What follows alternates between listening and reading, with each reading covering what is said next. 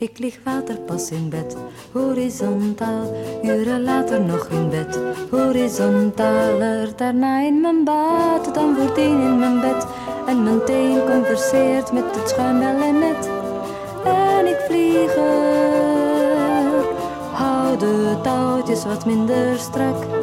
En ik vlieg eruit. Nu de routine, Wat harde broodjes met ei.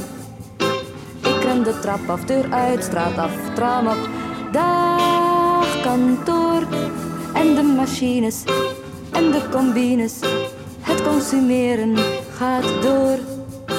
Doordat het tempo vertraagt, de winst verlaagt. Weg kantoor. Ja, en voor een laatste keer in deze reeks interviews over de pandemie uh, zingt Della Possier ons over het horizontaal liggen, over de touwtjes een beetje minder strak te houden. Vind ik een goed plan. Welkom in de studio, Dave Sinardet. Goedemiddag. Uh, ja, we hadden het er net al even over. Um, jij hebt hier al een geschiedenis in de studio's van uh, Radio Centraal. Absoluut, absoluut. Uh, Zo'n 25 jaar geleden intussen uh, was ik een van de medewerkers aan het Jeannette-programma, zoals dat dan hier op Centraal vaak werd genoemd, uh, Pink Wave. Waar ik toen ook al wel de, de politieke ontwikkelingen wat op volgde. Uh, verschillende interviews ook gedaan met politici en, en beleidsmakers. Uh, dat waren de dagen van uh, ja, de eerste debatten rond homohuwelijk en samenlevingscontract en antidiscriminatiewet. Alles kwam zo echt politiek in beweging rond homorechten in die tijd. ja, en verder ook ja, regelmatig schrijvers en, en, zangers en zo geïnterviewd. Mm. Dat een, ja, was een fijne periode. En daarna heb ik het contact met Centraal ook nog wel, uh, nog wel wat behouden. Nog wel regelmatig is in het uh, redactieprogramma opgedraafd en in, in sommige andere programma's. Ja. Uh, ja. en vandaag gaan we het over politiek hebben. Dat is de laatste insteek van, van de serie met experten. ja, of we het nu willen of niet, of we erin geïnteresseerd zijn of niet, het laatste jaar hebben we echt met z'n allen kunnen ondervinden hoe actueel politiek kan zijn, hoe ver het in ons leven kan ingrijpen. Waren het uh, voor een Belgische politicoloog ook uh, bovengemiddeld boeiende tijden of ben je nog moeilijk te verrassen? uh, nee, ja, ik denk dat die pandemie iedereen verrast heeft natuurlijk. in de eerste plaats de politici zelf. En inderdaad, ook de politieke reactie daarop was natuurlijk wel, wel bijzonder boeiend om, om te volgen. Hè. Ik ben ook onder meer gespecialiseerd in federalisme. Dus alleen al dat aspect was wel interessant. Ja, hoe gaat een federaal land met uh, zes regeringen en minstens acht parlementen om met, uh, met zo'n pandemie die eigenlijk toch voor een stuk een geïntegreerd antwoord vereist. Dus dat was eigenlijk al een boeiende materie. ja, en dan alles wat natuurlijk te maken heeft met ja, wat ook een heel typische politieke kwestie is. Hè. Het afwegen van allerlei verschillende belangen, waarden. Hè. Gezondheid aan de ene kant, maar uh, grondrechten ook aan de andere kant. Uh, mentaal welzijn, economie, hoe dat, uh, ja, hoe dat samenspel eigenlijk allemaal verlopen is. Er zijn eigenlijk politiek ongelooflijk veel boeiende facetten en boeiende invalshoeken te vinden. Dus, mm -hmm. ja. Als we nu kijken naar België op uh, wereldschaal, uh, Europa, maar ook daarbuiten, moeten we toch wel zeggen dat het uh, het slechtste resultaat heeft gehaald. Als we zien naar de combinatie, het aantal doden die zijn opgeschreven, maar ook de economische schade. Hè. In die combinatie, als we die parameters beide nemen, dan, dan komt België daar het slechtste uit. Um, ja, als dit die, deze gezondheidscrisis een, een soort van stresstest was. Hè, als het eigenlijk de zwakke plekken duidelijk uh, maakt in een uh, land, wat moeten we dan concluderen over uh, België? Hebben wij een, is ons land een bestuurlijke ramp? Is het de, de, trein der traagheid, onkunde, chaos, te complex om te kunnen werken? Goh, um, ten eerste zou ik misschien die, die cijfers toch al wel wat willen relativeren, hè? Um, of toch, toch minstens nuanceren. Uh, de vraag is, vanaf wanneer is een dode een coronadode? Er zijn indicaties dat België eigenlijk toch wel heel strikt geteld heeft. Hè, dat mensen die, uh, ja, die, misschien in een ziekenhuis uh, lagen met een andere aandoening, maar dan alsnog corona hebben gekregen, dat die dan ook werden meegeteld, wat dan in andere landen bijvoorbeeld niet het geval was. Enfin, die, die, die vergelijking, het is al sinds duidelijk dat de vergelijking van de cijfers tussen landen, dat we dat toch mee moeten oppassen, op zijn minst. Maar dat België het niet echt goed heeft gedaan, dat is ongetwijfeld waar. Heeft denk ik nu ook wel met andere factoren uh, te maken. Wij zijn een klein, dichtbevolkt land. Uh, ja, vanaf dat uh, zo'n zo'n virus eh, in één deel van België voet aan wal zit, dan is dat ook al heel snel verspreid over de rest van het land. Dus ik denk dat dat ook wel meespeelt. Dat is anders dan in ja, in, in, in, in, in landen waar je heel dun bevolkte gebieden hebt, uh, waar, waar je wel zo'n virus iets misschien makkelijker kan, kan tegenhouden. Nou blijft het relatief natuurlijk. Mm Wat mij vooral gefrappeerd heeft als het dan gaat over ons, uh, over ons bestuurlijk model en dan ook over ons federalisme, dat is eigenlijk, eh, en dat heeft mij echt wel verrast, uh, dat wij als België een redelijk uh, uniforme aanpak hebben gekend in die, in die coronacrisis. Hè. Wij staan als België te boek, ook zeker in, in, in, academische studies, hè, als een heel verdeeld land. Hè, als een land ja, waarvan ook het verdere bestaan toch constant in vraag wordt gesteld vanwege de continue spanningen tussen de twee grote taalgroepen. Dus ehm, de typische logica in België is van, ja, kijk, als we het ergens niet over eens zijn om, over wat we willen doen met een bepaald probleem, ja, dan splitsen we het gewoon op. Hè, en dan doen de Vlamingen en de Walen en de Brusselaars enzovoort allemaal hun eigen ding. Dat is onze typische manier om te reageren. En wat je nu eigenlijk hebt gezien in die coronacrisis, en dus opnieuw opmerkelijk, is dat, ja, dat, dat, eigenlijk die logica niet echt gegolden heeft. Hè. Uh, van in het begin was er een, min of meer een consensus bij de meeste politici, zelfs bij Vlaamse nationalisten, dat we eigenlijk best regels voor heel het land zouden hebben. Hè. Bijvoorbeeld bij de, bij de eerste golf, de, eerste weken, er was er op een bepaald moment een conflict tussen Vlaamse en Franstalige politici over het uh, sluiten van de scholen. Hè. Uh, toen was het zo dat men uh, aan Vlaamse kant ook al die scholen wel eerder wou openhouden, aan Franstalige kant eerder wou sluiten, ook door de impact van Frankrijk. Goed, ja, typisch Belgische oplossing zou dan zijn dat we zeggen van kijk, ja, dan doen de Vlamingen sluiten aan hun school en de Franstalige, de Vlamingen houden hun scholen lekker open en de Franstaligen sluiten ze dan.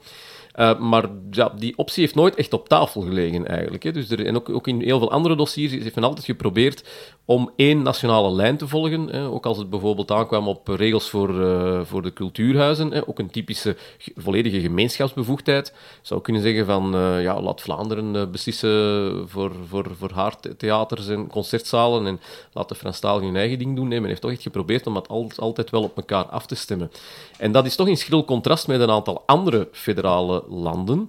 Bijvoorbeeld Duitsland, waar we dan zien als een heel geïntegreerd land. Niemand zegt dat Duitsland verdeeld is of, of dat daar grote eh, regionale conflicten zijn die, die de eenheid zouden bedreigen. Ja, toch zie je dat daar eigenlijk de maatregelen veel meer verschilt uh, hebben tussen de deelstaten. In de eerste golf had je, had je daar echt absurde toestanden, waarbij je aan de ene kant uh, van een brug dat een bepaalde winkel open was, en aan de andere kant van de brug uh, de winkel van dezelfde keten gesloten was. Hè, omdat het hm. dan uh, in een ander land lag, in een andere deelstaat, de, de, ene, allee, het ene filiaal en hm. het andere. Aan de ene kant van de rivier mocht je rustig rondwandelen, aan de andere kant van de rivier mocht je je alleen maar essentieel verplaatsen. Uh, aan uh, de ene kant van een park moest je twee meter afstand houden, aan de andere kant maar anderhalf, omdat ook mhm. die, die meters zelfs verschilden per Terwijl deelstaat. Dat dus dat zijn typisch Belgische toestanden eigenlijk, die je in België zou verwachten, maar die je bij ons eigenlijk niet hebt gezien, maar die je dan wel ziet in een land als Duitsland. Ja. En om daar nog even over, over af te ronden, over Duitsland.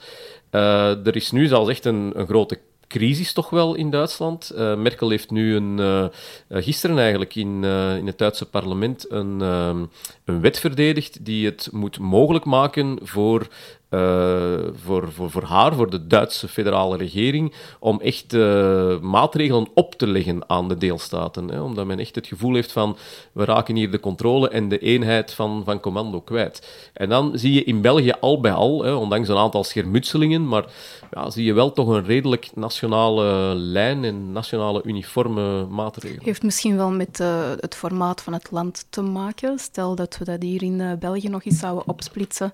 Hmm. We hadden het al met de die grensgebieden natuurlijk, dat het absurde tafereelen opleverde hè, tussen Brussel en België en Nederland bijvoorbeeld. Ja, absoluut. Maar ik denk ook, allez, ik denk dat politici voor een stuk impliciet hebben toegegeven met, met deze pandemie dat ons, dat ons land misschien niet gemaakt is voor uh, te vergaand verschillend regionaal beleid. Hè? Mhm. Toch zeker niet als het aankomt op, uh, ja, op het bestrijden van een pandemie. Hè? Het lijkt een beetje dat men zo toch wel toegeeft van ja, als het er echt om gaat, als er echt een grote bedreiging is, ja, dan moeten we misschien toch maar stoppen met al dat opgesplits. Hè? En je zit inderdaad met Brussel dat is denk ik een belangrijke factor ook geweest. Uh, want inderdaad, stel dat je wel die scholen uh, in Vlaanderen zou openhouden en in Franstalig België zou sluiten, ja, dan zou je eigenlijk in Brussel zitten met uh, bepaalde scholen die open zijn, de Vlaamse, en Franstalige scholen die gesloten zijn op één en hetzelfde territorium. Hè. Mm -hmm. Maar goed, ook dat is altijd wel een onderdeel geweest van de typische Belgische federale logica. Ik zie het nog wel gebeuren eigenlijk. Maar ja, maar toch heeft men blijkbaar geoordeeld dat dat toch niet goed zou zijn. Hè? Dus ook opnieuw voor cultuur, op, op bepaald moment was er inderdaad sprake van dat er daar toch een verschil zou zijn. En dan zei men in Brussel ook van, ja, maar het kan toch niet dat, uh, dat er in de KVS helemaal andere regels gelden dan in de Théâtre National. Uh, rond hoeveel mensen er een voorstelling mogen bijwonen en hoeveel, hoe ver ze uit elkaar moeten Dus er, ja, er is toch, een, is toch wel een gedeeld gevoel van, oké, dit, dit is eigenlijk niet, niet goed. Zelfs Jan Bon, hè, uh, Vlaams minister-president, maar ook minister van Cultuur, heeft op een bepaald moment gezegd van ja, we gaan toch geen andere regels maken voor uh, Antwerpen, Namen en, en Brussel rond cultuur. Nee, dat moet homogeen. Hm. Zegt dan een Vlaams nationalist, hm. Ja, wiens hele ideologische uh, zijn eigenlijk gebaseerd is op het idee dat eigenlijk, dat, nu zegt hij eigenlijk van dit is een gemeenschapsbevoegdheid en we gaan dat toch nationaal oplossen. Ja. Dus, uh, Wie ja. weet uh, waar dat, wat daar nog de, de gevolgen van gaan zijn. Misschien ehm, positief, misschien pragmatischer omgaan met die dingen. Maar dit gaat dan meer over hoe de regering zich georganiseerd heeft. Maar natuurlijk, de negatieve gevolgen zijn misschien eerder op hoe wij als land georganiseerd zijn uh, alle instanties, hoe onze zorg georganiseerd is enzovoort. Daar heb je natuurlijk wel die verschillende bestuurslagen die dat dan met elkaar moeten uh, overeenkomen en organiseren en managen. Um, hoe, hoe kan je dat inschatten? Hmm. Of analyseren in vergelijking met de buurlanden die misschien toch wel beter uh, daar hebben gehandeld? Well ja, dus er was wel duidelijk een probleem met, uh, met de back-office. Dus aan de ene kant heeft men gekozen voor een redelijk uh, uniforme nationale aanpak, zoals ik al zei. Maar die heeft men natuurlijk moeten uitvoeren met een bevoegdheidsverdeling die heel versnipperd is. Hè? Waardoor dat je inderdaad heel wat problemen hebt gekregen. Uh, dat je bijvoorbeeld ook wekenlang discussie hebt gehad tussen federale en regionale ministers over de vraag wie nu eigenlijk bevoegd was om die contact tracing bijvoorbeeld te organiseren. Hè?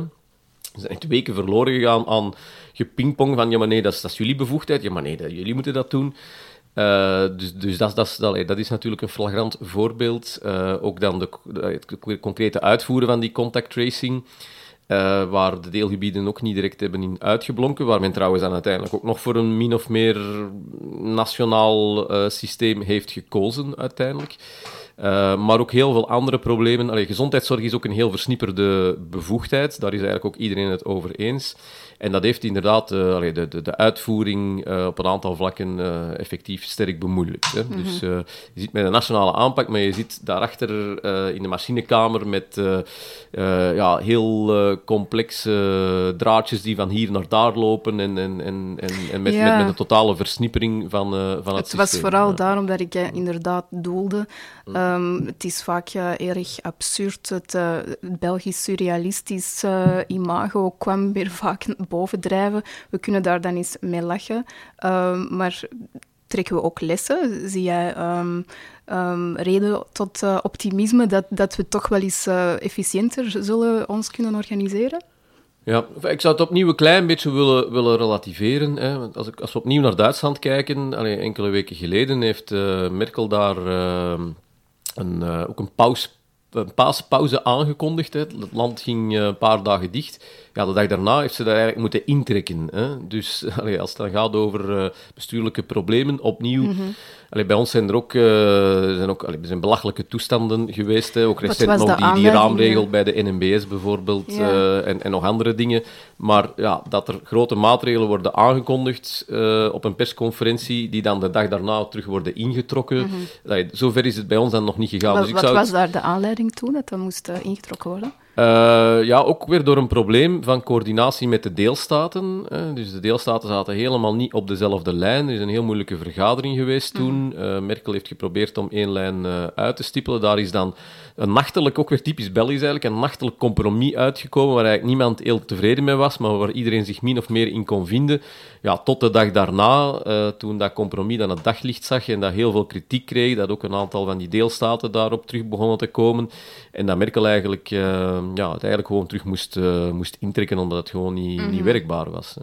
Vandaar ook nu die ehm, die wil om eigenlijk uh, ja, sterker te kunnen ingrijpen vanuit federaal op al die deelstaten en bepaalde maatregelen te kunnen, uh, te kunnen opleggen. Eigenlijk. Ja, dan heeft Frank van den Broeken het hier wel een stuk gemakkelijker met de twee deelstaten. Ja, enfin, het zijn er meer, hè, want ja, uh, maar... het, het, overlegcomité, hè, want mm -hmm. uh, daar wordt nu alles in beslist. Daar zitten wel zes regeringen mm -hmm. in, uh, natuurlijk. Hè. Dus uh, natuurlijk Vlaanderen en Wallonië zijn maar, wegen wellicht het zwaarst. Ja. Ehm, maar toch, je moet die, die zes regeringen ook wel op een lijn krijgen.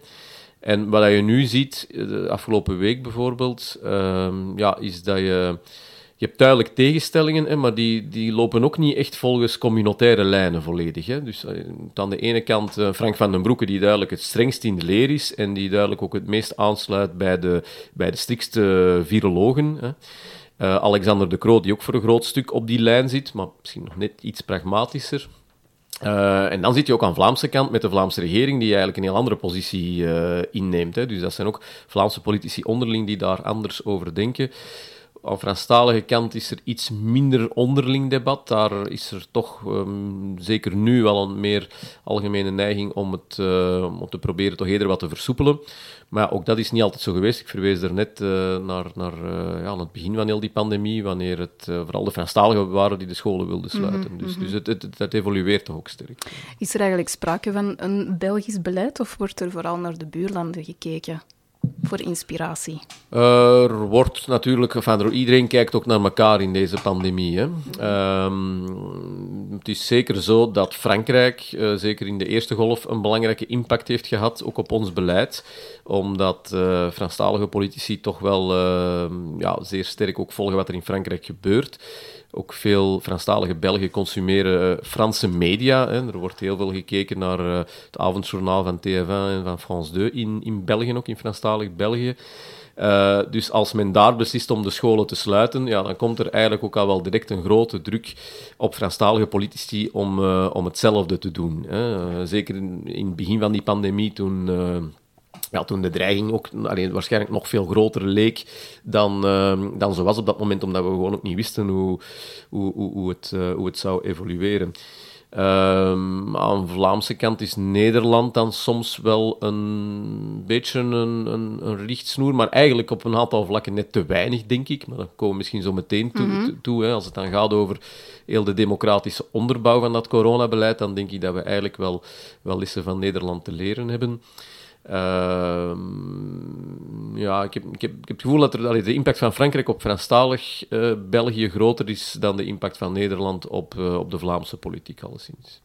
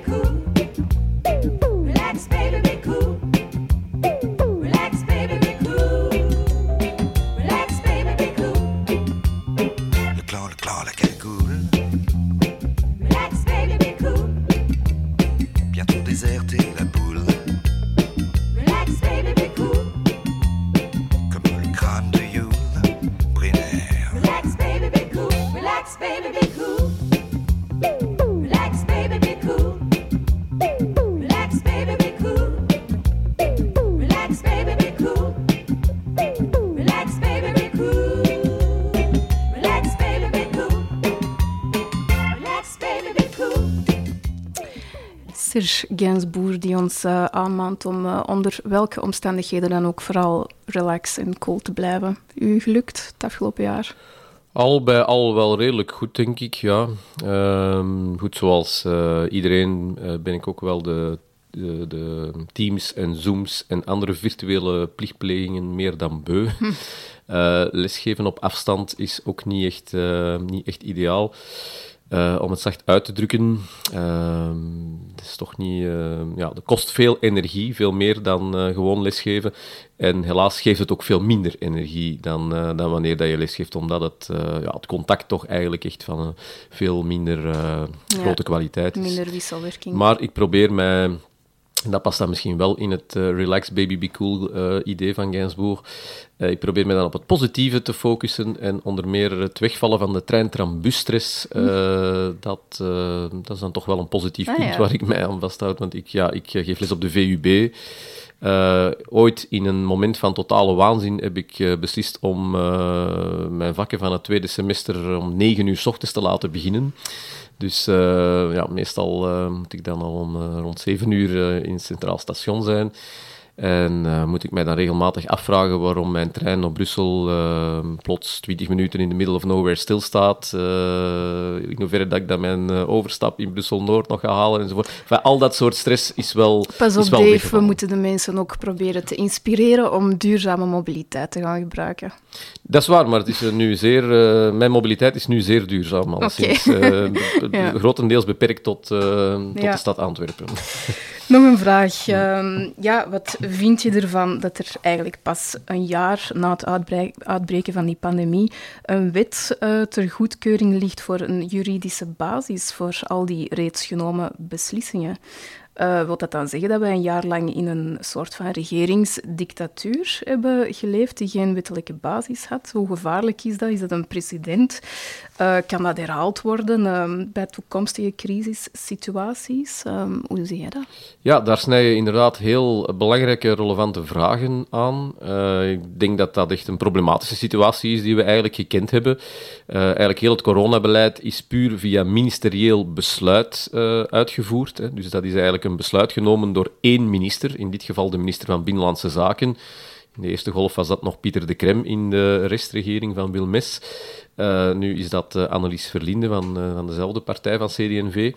Nu, op zich, welke minister dat, dat is, maakt nu ook niet zoveel uit. Maar ja, het is toch wel, ja, toch wel problematisch dat vergaande inperkingen van grondrechten, van individuele vrijheden, zoals een avondklok bijvoorbeeld, eh, samenscholingsverboden, noem maar op, ja, dat dat puur door een ministerieel besluit, nou, dus door één besluit van één minister kan, kan genomen worden.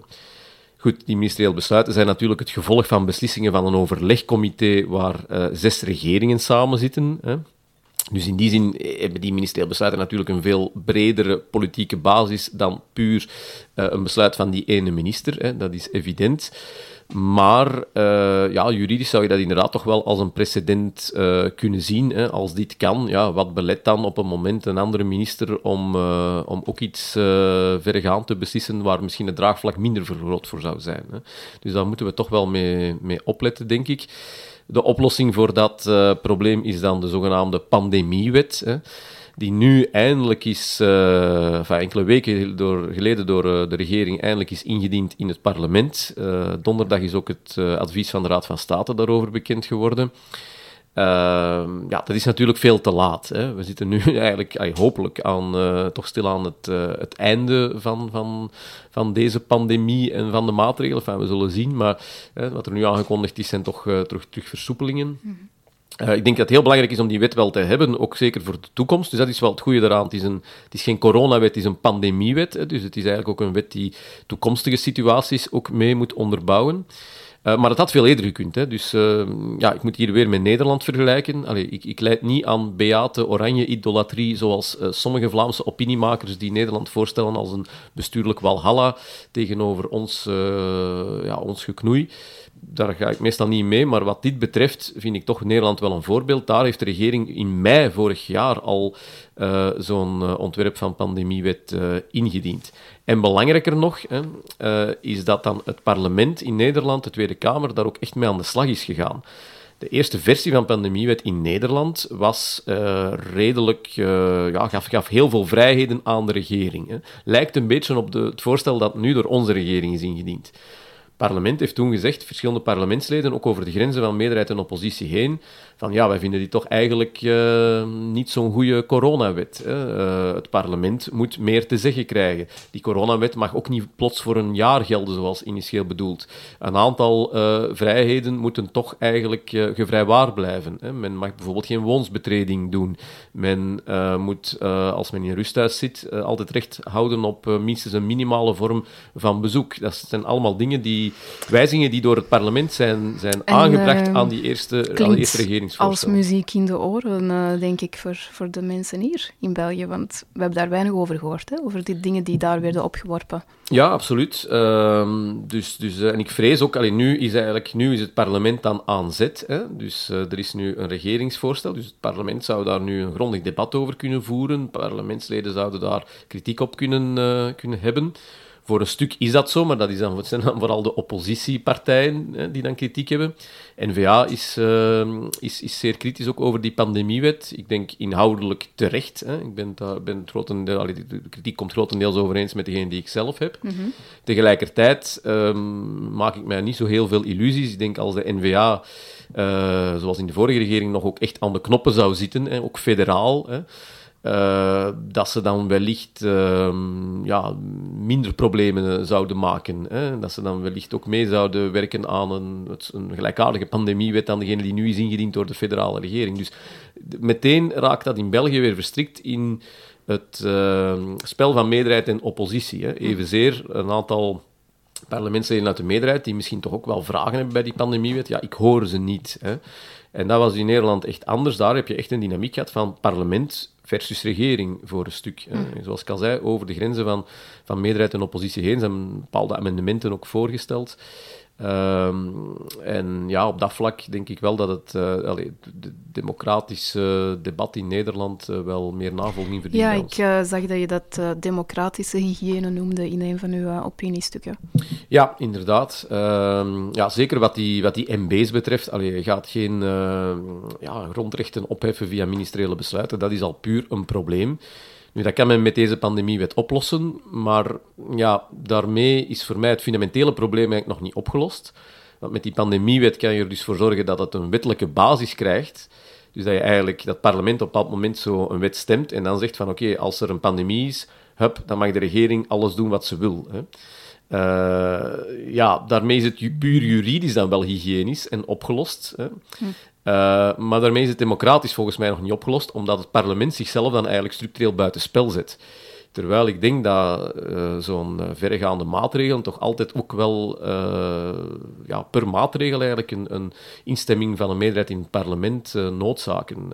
desnoods achteraf, hè, dat heeft men in Nederland ook beslist, dat in heel dringende gevallen de regering wel degelijk zelf al maatregelen kan nemen, maar dat er dan binnen de week wel een parlementaire bekrachtiging uh, nodig is. Dat lijkt mij toch ook wel, uh, wel democratische hygiëne in een, uh, in een democratische... en voor u is er dus te weinig debat op dit moment in het parlement vooraleer die pandemiewet effectief gestemd wordt. Die wordt niet of onvoldoende bijgeschaafd, volgens u? Wel, er is nu, het, parlement is nu aan zet, uh, maar ik zie geen bewegingen in die richting vanuit het parlement. Uh, ik zie een voorstel van pandemiewet dat veel kritiek krijgt, maar vooral dan van experts. Hè. Er zijn hoorzittingen in, in het parlement geweest, vooral mhm. met grondwetspecialisten, uh, die allemaal toch wel, wel, wel redelijk kritisch waren. de Raad van State is nu minder kritisch, ehm, maar goed, is eigenlijk ook al tijdens de hele pandemie redelijk mild geweest voor, ja, voor de regering. Ehm, en dan zit je met een aantal oppositiepartijen die effectief ook wel kritisch zijn. Mm, Maar ja, voor hen is het ook wel gemakkelijker. Maar uit inderdaad de meerderheidspartijen hoor ik weinig pogingen om constructief, want je moet het ook niet allemaal afschieten, maar om constructief te zeggen van hier, hier of daar willen we toch wel, toch wel een aantal dingen fundamenteel bijschaven. Bovendien is er nu het gevaar... ehm allee, ook weer ironisch, het heeft veel te lang geduurd voor men natuurlijk dat eerste voorstel van pandemiewet heeft ingediend. Maar nu gaat men het misschien snel op een drafje willen goedkeuren, hè, omdat er die uitspraak is geweest van die Brusselse rechter enkele weken geleden. Hè, die zei dat de coronamaatregelen eigenlijk illegaal zouden zijn, hè, 30 dagen na die uitspraak. Dat is nu, denk ik, eh, binnen een week of tien dagen het, geval dan. Eh, dus dat is nu misschien een alibi voor de regering om dan rap haar voorstel van pandemiewet erdoor te sluizen.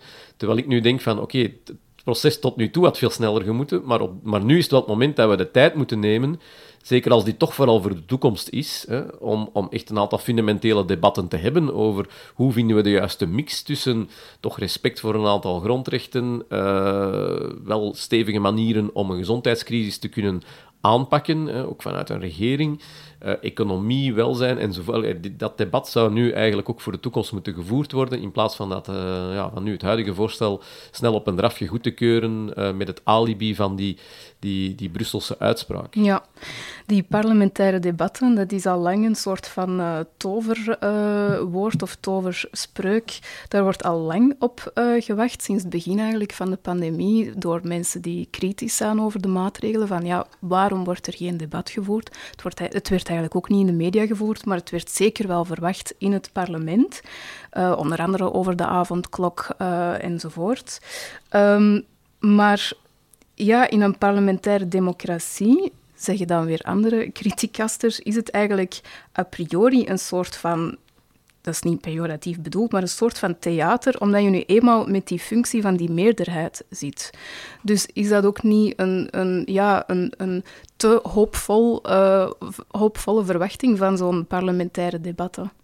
Ja, binnen België wel, vrees ik. Hè. Maar opnieuw, Nederland toont dat het, eh, dat het toch wel kan. Hè. Dat, dat je daar, daar heb je dus wel dus dat voorstel van pandemiewet gehad. Het heeft trouwens maanden geduurd voordat het dan effectief is aangenomen. Net omdat het parlement de regering eh, terug heeft gestuurd en heeft gezegd van kijk, eh, hier kunnen wij niet mee leven. Hè. En niet puur vanuit eh, meerderheid, oppositie, logica. Hè. Dus, maar ik vrees inderdaad dat het voor, eh, voor België wel redelijk... eh, ja, dat, dat het moeilijk zal zijn om uit die logica te treden.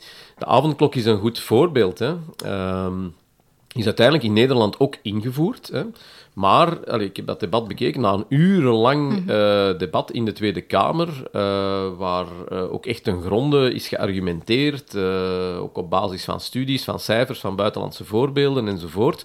Nadat eerder al er een eerder debat was geweest, ook in de Tweede Kamer, waarin er een meerderheid was om te zeggen we gaan dat niet invoeren. Hè. Goed, uiteindelijk beslist men om dat wel te doen. Oké, dat is dan een democratisch proces. Hè. Eh, hoe is die avondklok in België ingevoerd? Wel, voor de eerste keer eind juli vorig jaar door een eh, onverkozen provinciegouverneur. Hè. Eigenlijk is een provinciegouverneur in België is een, eh, is, is een ambtenaar. Zonder enig voorafgaandelijk debat, ehm, zonder, zonder discussie in de media, wat dan ook, plots was dat er. Hè.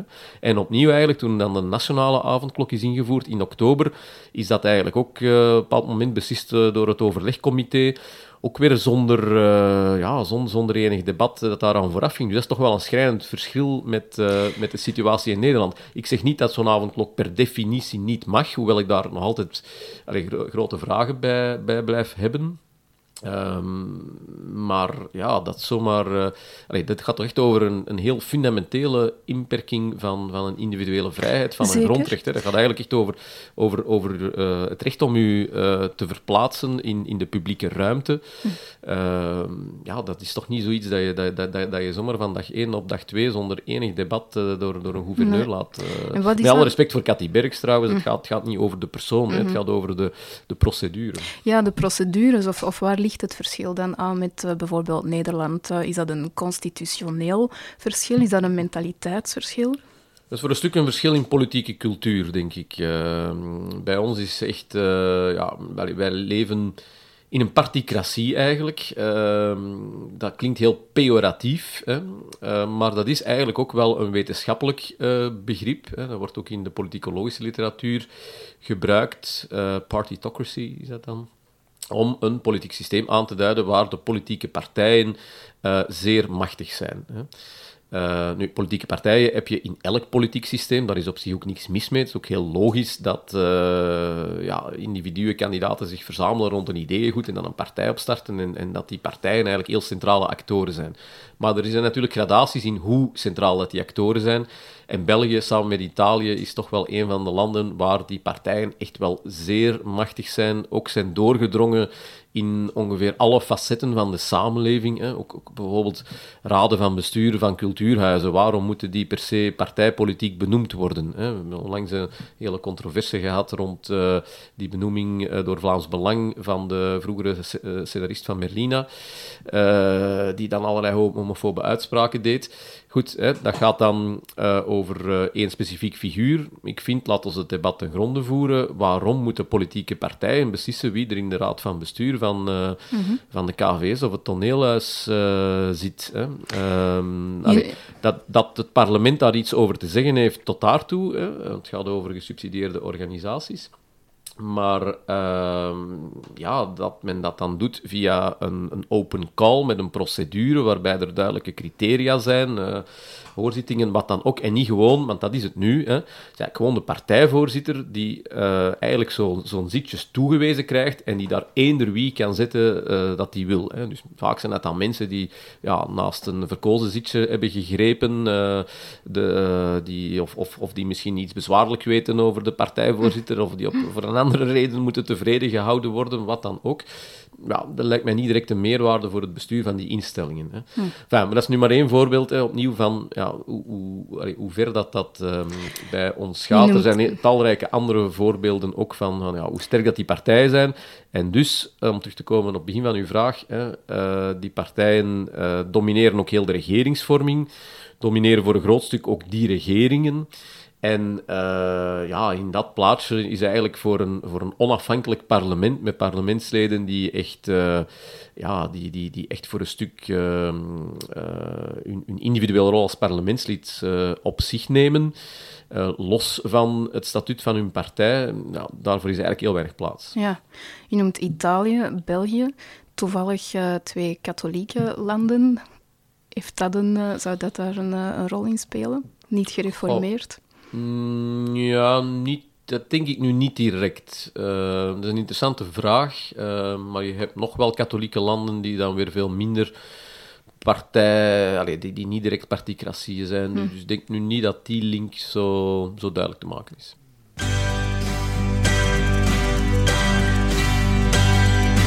Je suis pour le communisme, je suis pour le socialisme et pour le capitalisme parce que je suis opportuniste. Il y en a qui contestent, qui revendiquent et qui protestent. Moi je ne fais qu'un seul geste, je retourne ma veste. Je retourne ma veste, toujours du bon côté.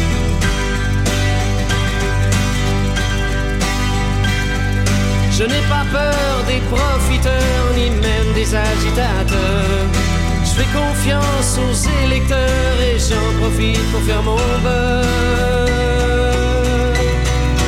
Il y en a qui contestent, qui revendiquent et qui protestent. Moi je ne fais qu'un seul geste, je retourne ma veste. Je retourne ma veste, toujours du beau côté.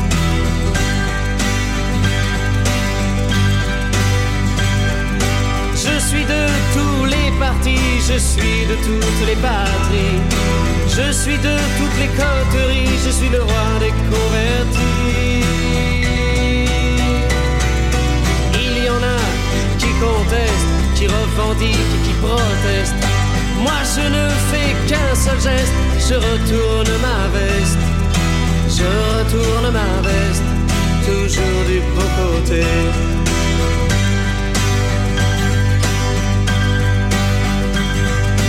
Je crie vive la révolution, je crie vive les institutions, je crie vive les manifestations, je crie vive la collaboration. Non, jamais je ne conteste, ni revendique, ni ne proteste. Je ne sais faire qu'un seul geste, celui de retourner ma veste, de retourner ma veste, toujours du beau côté.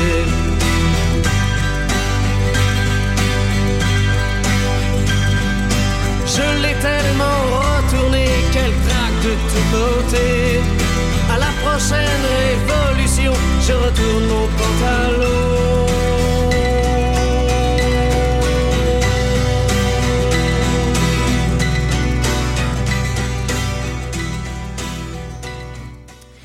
Geweldige tekst, eh, Jacques Dutronc. Natuurlijk, ja, Franse muziek, want eh Dave, je bent ook eh, DJ, meestal Frans eh, getint. Niet enkel Frans getint, eh, ik doe soms ook wel andere dingen, Ja. maar, eh, maar Frans is inderdaad wel... Je wordt daar in elk geval voor ingezet, voor de soirée Gainsbourg en zo. Inderdaad, inderdaad. En voor 14 juillet feestjes, allerhande ook. Ja, ja.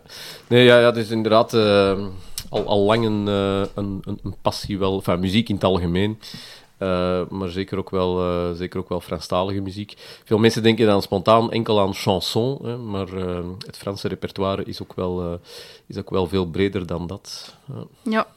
Hopelijk komen we elkaar snel nog eens tegen op de dansvloers in het Antwerpse uitgaansleven, zou ik zo zeggen. Ja, dat mag ik ook hopen, ja. Ja, al was het open lucht.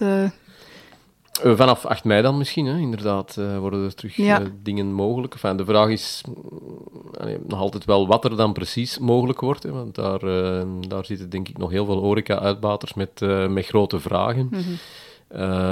Hoe men dat ook allemaal gaat reguleren, dat is natuurlijk ook, ook de vraag. Hè. Bedoel, eh, kan, ja, gaat men extra vergunningen geven aan eh, cafés die bijvoorbeeld nu geen terrasvergunning hebben? Gaat men eh, terrassen En dan de maken? andere vergunningen het bedrag terugstorten. ja, ja, ja, lijkt mij. Enfin, je, je wordt ook geconfronteerd in zo'n crisis inderdaad met zo'n met zo een aantal absurditeiten in de regelgeving. hè. Ik herinner mij bijvoorbeeld aan het begin van, ehm, ja, van, van de tweede golf dan, hè, was er eerst zo'n regel, ik denk ergens eh, eind september, begin oktober, dat eh, had men een onderscheid gemaakt tussen de restaurants en de cafés. Hè. En dat klinkt dan goed. Dus eh, cafés moesten dan sluiten om 11 uur en restaurants mochten denk ik open blijven tot, tot 1 uur.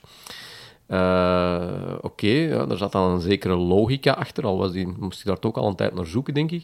Maar dan kwam natuurlijk de administratieve vraag van wat is een restaurant en wat is een café? Ik heb toen ontdekt dat er eigenlijk veel meer restaurants zijn in eh, Antwerpen dan ik dacht. Onder meer op het Mechelseplein is er bijvoorbeeld restaurant Korsakov, is er eh, restaurant Boer van Tienen. Eh, al die, allee, dus de helft, van de, de, de helft van de cafés op het Mechelseplein mochten tot 1 uur open blijven, terwijl hun buren om 11 uur moesten sluiten omdat die eerste groep ja, toevallig een, een vergunning had om, om eten te serveren. Allee, neem nu bijvoorbeeld een café als Korsakov, die hebben ooit wel eens crocs of zo geserveerd, die hadden dan blijkbaar nog die vergunning. Eh, ja, terwijl het natuurlijk is dat meer een restaurant dan, ehm, dan de, de, de Paliter of... eh, Of, eh, allee, ik ben nu al, het is al zo lang geleden dat ik de naam van een café Ja. op niet meer ken. Dus het is een vreselijke constatatie. moeten eh, opleiden in het eh, nachtleven. Ja, dus, dus, dat allee, dus het leidt ook wel... Het, allee, dat is ook het interessante. Ik heb me inbeelden, politici zitten dan rond die tafel in dat overlegcomité, proberen dan zo een, een compromis te... Ja, de, ene wil horeca dicht, de andere open. Ja, laten we dan eens een verschil maken tussen restaurants en cafés, want cafés zijn toch gevaarlijker, virologisch, oké. En dan beslissen ze dat en dan stellen ze vast van, ja, maar ja, wat is nu eigenlijk een café en wat is een restaurant? Hoe gaan we dat onderscheid maken? Ah ja, we hebben hier eh, ja, die vergunningen.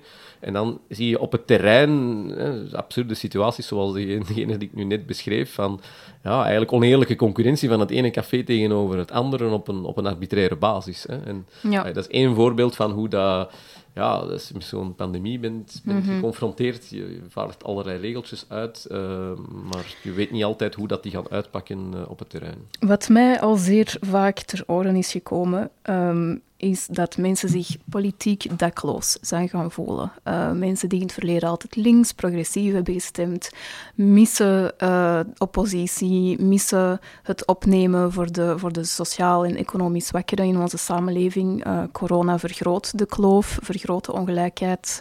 mensen die tussen vier muren zitten zonder tuin, hebben het sowieso veel moeilijker dan mensen met een villa enzovoort. Maar die linkse stem die is eigenlijk zeer miniem geweest. Mensen voelen zich daar niet door vertegenwoordigd. Nog verder kunnen we ons afvragen welke zelfstandige dat er nog op Open VLD gaat stemmen uh, na dit jaar.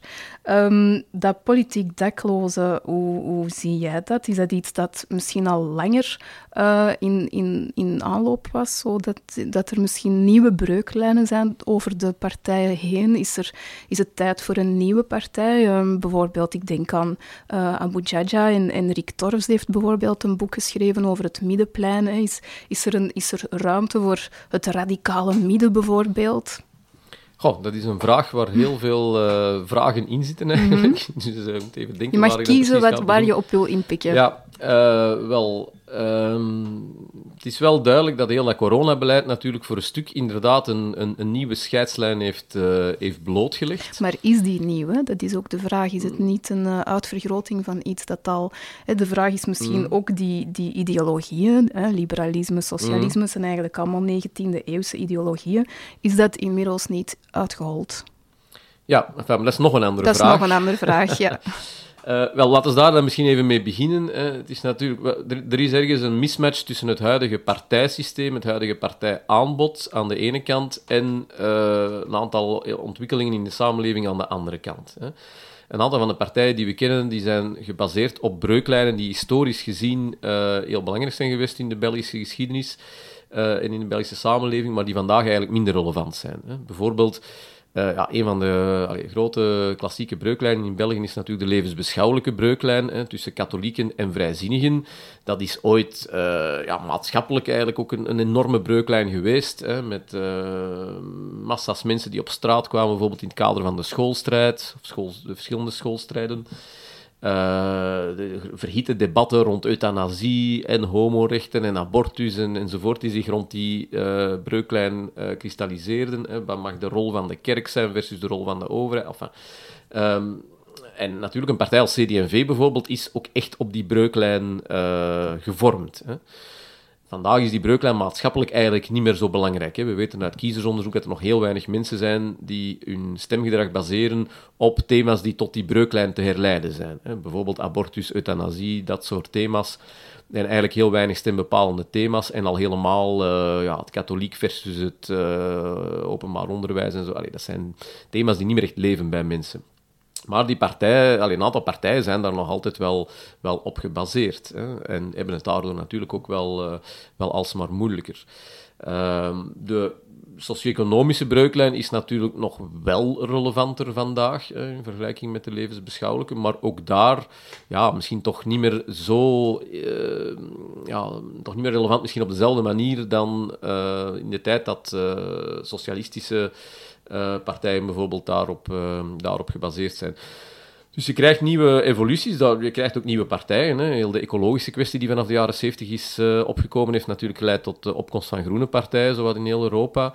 Ehm, alle debatten rond diversiteit hebben geleid tot succes van radicaal rechtse partijen, ook in de, in de meeste Europese landen. dus je krijgt wel evoluties in dat systeem en nieuwe partijen, hè, maar je krijgt ook natuurlijk oude partijen die zichzelf proberen te, overleven. En je hebt soms ook uh, mensen die, ja, die, die op de ene breuklijn uh, misschien een heel andere uh, mening erop nahouden dan, dan, dan op een andere breuklijn. Hè. Dus bijvoorbeeld ik ken wel mensen die eigenlijk economisch gezien redelijk liberaal zijn, maar tegelijkertijd ook wel zeer groen, hè, zeer, zeer ecologisch overtuigd zijn. Daarvoor is eigenlijk niet echt een partij, hè, want de groene partijen in België zijn redelijk links op de klassieke links-rechtsbreuklijn. De liberale partijen zijn ook niet zo heel sterk uh, met, het, uh, met het ecologische bezig. Hè. Uh, toch, toch niet tot nu toe.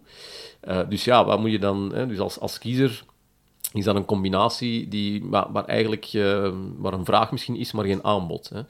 Hetzelfde geldt voor uh, heel wat kiezers die uh, links zijn op de socio-economische breuklijn, maar dan veel meer rechts op de, op de diversiteitsbreuklijn eigenlijk. Hè. En dat is een publiek waar Vlaams Belang nu sinds de laatste verkiezingen expliciet erop probeert in te spelen, hè, door in haar programma of in haar discours alleszins wel wat uh, sociale standpunten naar voren te brengen. Hè. In hoeverre dat dat dan overeenstemt met de echte mening van de buik van die partij rond die thema's is een andere vraag. Maar goed, ze proberen dat wel in hun marketing naar voren te schuiven, hogere pensioenen enzovoort. En dat te koppelen aan het, uh, het, uh, ja, het, het, typisch rechtse discours rond veiligheid en, migratie. Hè. Uh, maar ook daar zijn kiezers ja, die. dat verklaart ook voor een stuk waarom dat er in Franstalig België eigenlijk geen radicaal rechtse partij is. Hè. Een deel van die kiezers die daarop zouden kunnen stemmen, ja, die vinden eigenlijk in de PTB voor een stuk een alternatief. Dat lijkt misschien raar voor velen, want PTB of, of PvdA en Vlaams Belang lijken uitersten te zijn, maar hebben eigenlijk wel kiezers die voor een stuk op elkaar lijken. En ook uh, ja, de PS is er mee, beter dan uh, de, het Vlaamse socialisme in geslaagd om toch een deel van die klassieke arbeidersachterban, lager inkomen, mm -hmm. lager opgeleid, ook bij, bij zich te houden. Um, maar goed, nu wijken we nogal ver af van corona, denk ik. Um, ja, de, de linkse kiezer die zich vragen stelt bij de maatregelen, bij de onwettigheid van de maatregelen, de verregaandheid, de, de disproportionaliteit ervan, die voelt zich uh, niet vertegenwoordigd. En in uitbreiding ja, voelen kleine zelfstandigen zich vertegenwoordigd door ja. de, de, liberalen op dit moment. Ja, ik kan me dat inbeelden dat heel wat mensen, uh, nu dat die pandemie uh, zo centraal staat in het, uh, in het beleid en ook in de beleving van veel mensen, dat veel mensen zich inderdaad wat politiek dakloos kunnen voelen. Het frappeert mij wel dat, ehm, en ergens stoort mij dat ook wel en, en verontrust mij dat ook wel, dat als het gaat over allee, de grote debatten rond onze grondrechten, dat dan de positie van politici en partijen vaak afhangt van uh, de reden waarom dat die grondrechten in vraag worden gesteld. Dus inderdaad, linkse politici zouden al lang moord en brand hebben geschreeuwd over uh, avondklokken en, en andere verregaande maatregelen, als het bijvoorbeeld uh, een antwoord zou geweest zijn op een terroristische dreiging. Hè of op uh, een uh, poging om, om overlast door, uh, door jongeren te beteugelen. Hè. Dan zou je ter linkerzijde hebben gehoord van dit is een schande, er worden hier grondrechten aangetast, dit kan niet. terwijl ter rechterzijde men dat soort maatregelen in het verleden juist heeft toegejuicht. Hè. Dus als ik terugkom, de NVA nu kritisch tegenover een aantal van die maatregelen, maar onze grondrechten... Uh, je moet eens terugkijken naar het discours van diezelfde N-VA-politici uh, kort na de aanslagen in Brussel. Toen pleitten zij net wel om een heel aantal grondrechten uh, op te heffen om de strijd tegen het terrorisme beter te kunnen voeren. Hè. Woonsbetredingen bijvoorbeeld, daar waren rechtse politici voor, hè, als het dan aankwam op, op terrorismebestrijding. En nu zijn ze daar dan eerder tegen. Uh, dus, dus het, en, en ja, ter linkerzijde ziet men natuurlijk in die pandemie, hè, dat gaat over volksgezondheid, hè, dat is voor een stuk ook wel een, een links thema eigenlijk. Hè. Uh, en ja, daarvoor denk ik, uh, ja, vindt men het veel minder problematisch dat, dat grondrechten worden, worden opgeschort dan voor, laten we zeggen, rechtsere thema's als veiligheid, criminaliteit, overlastbestrijding en dergelijke. Nochtans dat de gevolgen toch vergelijkbaar zijn, voor welke reden het dan ook wordt voege gesteld. Wel ja, dat, dat vind ik wel. Allee, dit is niet, de, de redenen zijn natuurlijk wel belangrijk. Hè, als inderdaad. Uh, allee, ik, vind, ik pleit er ook niet voor dat we gewoon zeggen: van kijk, ja, het is een pandemie. Uh, jammer, maar uh, er zijn een aantal grondrechten en mensen moeten gewoon kunnen blijven doen wat ze willen. Ik begrijp dat er een aantal maatregelen moeten zijn. Je moet alleen wel duidelijk het, het evenwicht vinden. Um... Als we kijken naar Zweden, die hebben echt geen enkele grondwet met de voeten betreden. Hè? Uh, nee, niet echt. Nu, over Zweden, allee, moeten we nog, van de laatste berichten uit Zweden zijn dan weer iets minder positief. Dus uh, maar ik denk ook eerlijk gezegd dat er niet één juist of, of één mirakel antwoord is op zo'n op zo'n pandemie. Um, maar, maar inderdaad, het debat over de, de proportionaliteit moet altijd wel gevoerd worden. Hè. En dat is ook een van de redenen. Ik heb mijzelf ook al verschillende keren eigenlijk heel kritisch uh, uitgelaten over die avondklok. Uh, helemaal in het begin voelde ik mij trouwens uh, heel eenzaam uh, in het publieke debat. toen die maatregel in Antwerpen is uitgevaardigd in, in heel de provincie, was ik eigenlijk zo gedurende, denk ik, een week zo wat de enige die daar blijkbaar durfde kritische noot bij plaatsen. Ik heb daar ook heel veel negatieve reacties op gekregen trouwens, op het feit dat ik dat deed. Ehm, daarna is die, die kritiek wel meer en meer gekomen, ook vanuit eh, de hoek van constitutionalisten en zo. Eh, maar dat vond ik ook wel een, een, ja, een beangstigend klimaat, dat je eigenlijk ook geen, geen vragen meer kan stellen bij bepaalde maatregelen. hè. Eh, en wat mij bij die avondklok inderdaad stoort, is de, is de proportionaliteit. Hè.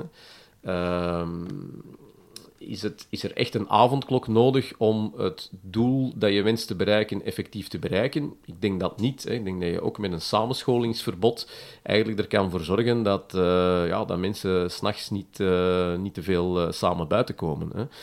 Trouwens, de recente beslissing van het overlegcomité is ook om vanaf 8 mei die avondklok te vervangen door een samenscholingsverbod van tot meer dan drie personen. Dus eigenlijk geven ze nu zelf toe van dit, op deze manier kunnen we het eigenlijk ook doen. Hè. Meer en meer heeft men ook toegegeven uit politieke hoek dat, eh, dat die avondklok eigenlijk vooral een handhavingsmaatregel is. hè.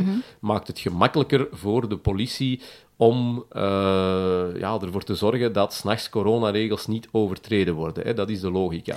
Wel, dan denk ik van, dat is eigenlijk niet meer proportioneel als het puur is om de handhaving te vergemakkelijken. Eh, dan een avondklok gaan invoeren, terwijl je dat eigenlijk ook kan doen met een minder verregaande maatregel, een regel die minder verregaande individuele vrijheden aantast, zoals een samenscholingsverbod, ja, dan zou je daarvoor moeten kiezen. Hè. We gaan geen grondrechten opheffen omdat het gemakkelijker te handhaven is dan een andere oplossing. Dat, dat, ehm, dat is wat mij daar altijd aan, aan gestoord heeft en, ehm, en, en, en ook nog steeds stoort. Want de gevolgen die ik bedoel is natuurlijk, ja, we komen in een soort van repressief klimaat terecht, in een klikcultuur. Eh, toch allemaal dingen waarbij iemand die links progressief van inborst is, daar eh koude rillingen van krijgt. Ehm, Bart Kammaerts, professor in, eh, aan de LSE in Londen, schreef vorige week ook een, een stuk over de opening daar van de pubs enzovoort. Ehm, en maakte een vergelijking tussen het aantal boetes eh, in België sinds het begin van Ja. de pandemie en in eh, het Verenigd Koninkrijk. Dat is met een factor 10. Hè, dus hier is dat eh, meer dan eh 1000 per 100.000 inwoners. En in het Verenigd Koninkrijk was dat, waren dat er 100. En daar is meer een nudge. ehm, beleid gevoerd. Hè. Mensen gewoon proberen te, aan te manen tot, maar niet vergeleiden in een eh, ja, law and order. ehm, wat we hier vandaag meer hebben, waar je natuurlijk dan ook die effecten krijgt in, in, de, in de samenleving. Hier mensen, ja, het, ergens staat er iets op eh, ontploffen. Nu misschien niet omdat die versoepelingen zijn aangekondigd, maar het werd toch wel voelbaar. Ja, die versoepelingen komen er nu ook wel onder druk, onder, onder die maatschappelijke druk, hè, omdat men inderdaad aanvoelt dat het wel eens eh, eh, verkeerd zou kunnen gaan lopen. Hè. We hebben het ter Kamere Bos gehad, eh, we hebben dan nu de, in, in, in Luik het voornemen om, om daar sowieso toch de terrassen te openen. Eh, Ik denk uh, ja, dat ook mensen als Van den Broeken en De Croo, die niet echt happig waren om die versoepelingen, wel aanvoelden dat die druk eigenlijk, uh, eigenlijk veel te groot werd. Uh, maar ik was het inderdaad ook wel... Uh, ik heb heel instemmend geknikt bij het lezen van dat stuk van Bart Kammaerts, trouwens ook een ancien van deze radio, net als ik. Mm -hmm. Um, ik denk inderdaad dat dat toch allee, heel, heel het gedoe rond de lockdown-feestjes. Uh, vanaf dat je met drie mensen een pizza aan het eten was, dan werd dat eigenlijk al bestempeld uh, in de media als een lockdown-feestje. Uh, ja, je kan je toch wel afvragen inderdaad in ho hoeverre dat, dat men op een aantal momenten niet iets te ver is gegaan in die, in die repressie daar rond. Hè. Op een bepaald moment was het uh, in de provincie Antwerpen ook zo. Uh, dat, je, dat, je, dat je eigenlijk rechtstreeks voor de rechter kwam. Hè, als, je, als je nog maar deel had genomen aan zo'n, aan zo'n lockdown-feestje. Hè. Uh, goed, uh, je hebt de situatie dan gehad van die jongeren in de, in de Antwerpse rand, ja. die een hele nacht in, in, in de gevangenis mm -hmm. hebben doorgebracht, omdat ze met enkele mm -hmm. samen zaten. Uh, je hebt dan natuurlijk het tragische uh, geval vorig weekend uh, op het Theaterplein hier in Antwerpen ja, dat zijn toch toestanden waar men zich ook wel wat vragen moet, uh, moet bij stellen.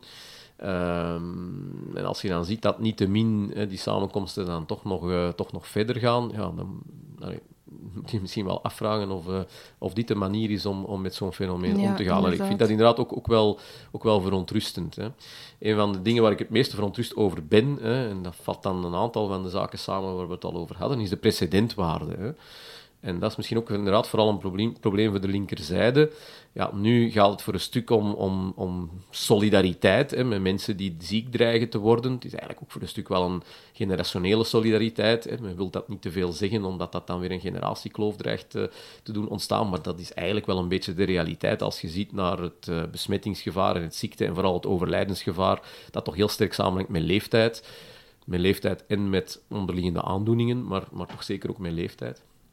Goed, hè, dus daar, dat, voor stuk linkse waarden, dat zijn voor een stuk linkse waarden, hè, die men dan ook wel, waar men, waarvoor men dan tolereert dat men die uh, met een redelijk repressief instrumentarium gaat, uh, gaat afdwingen. Oké, allemaal goed en wel, maar men zet nu misschien wel de deur open om bij een volgende crisis, van misschien een heel andere aard, uh, ook terug naar zo'n drastische instrumenten te gaan grijpen. Hè. De avondklok, toen die toen er in Nederland debat over was, heb ik in, las ik in Trouw een artikel.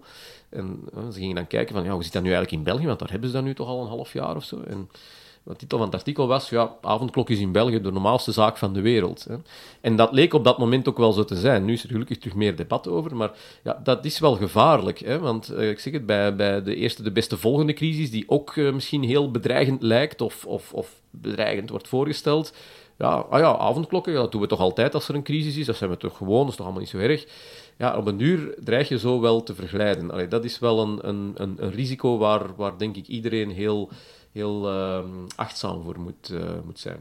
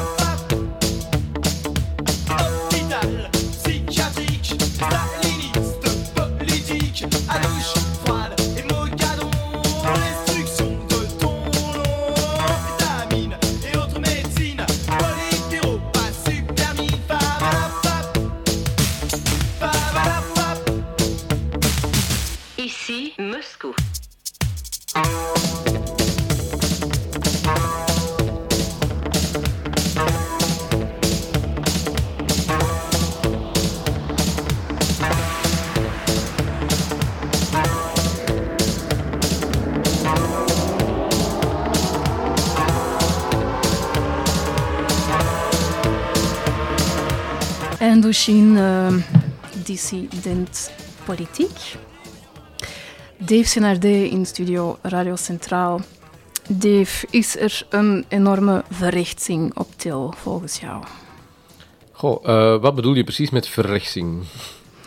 Ja, natuurlijk, de volgende verkiezingen zijn waarschijnlijk pas in uh, drie jaar ondertussen.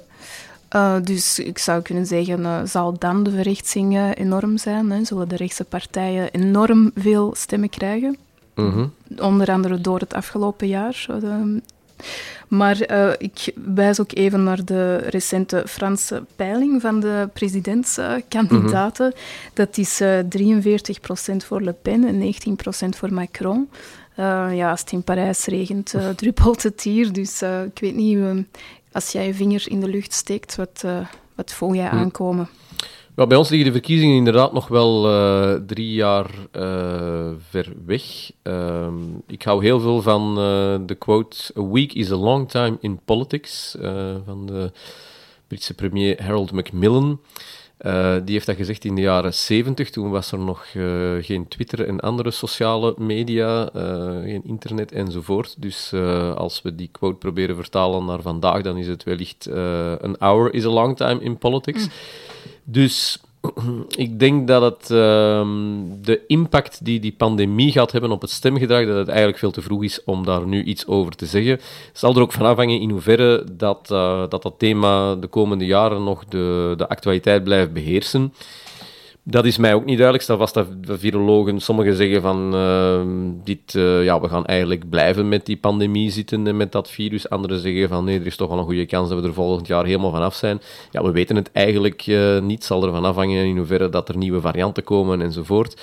Uh, of, of gewoon een totaal nieuw virus. Ehm, in het beste geval verdwijnt uh, corona uh, meer ja, op de er is toch wel een, een, internationale consensus tussen de vooraanstaande virologen, epidemiologen, dat het nooit zal verdwijnen. Het zal evolueren naar een mild uh, verkoudheidsvirus. Wel ja, maar dan is het politiek eigenlijk niet meer echt relevant, normaal ja. gezien. Hè, want dan, ehm, dus dat bedoel ik. Hè. Mm -hmm. Dus als, als we naar dat scenario gaan, ja, dan is het goed mogelijk dat er uh, weer heel andere thema's uh, van voor op de politieke agenda komen te staan.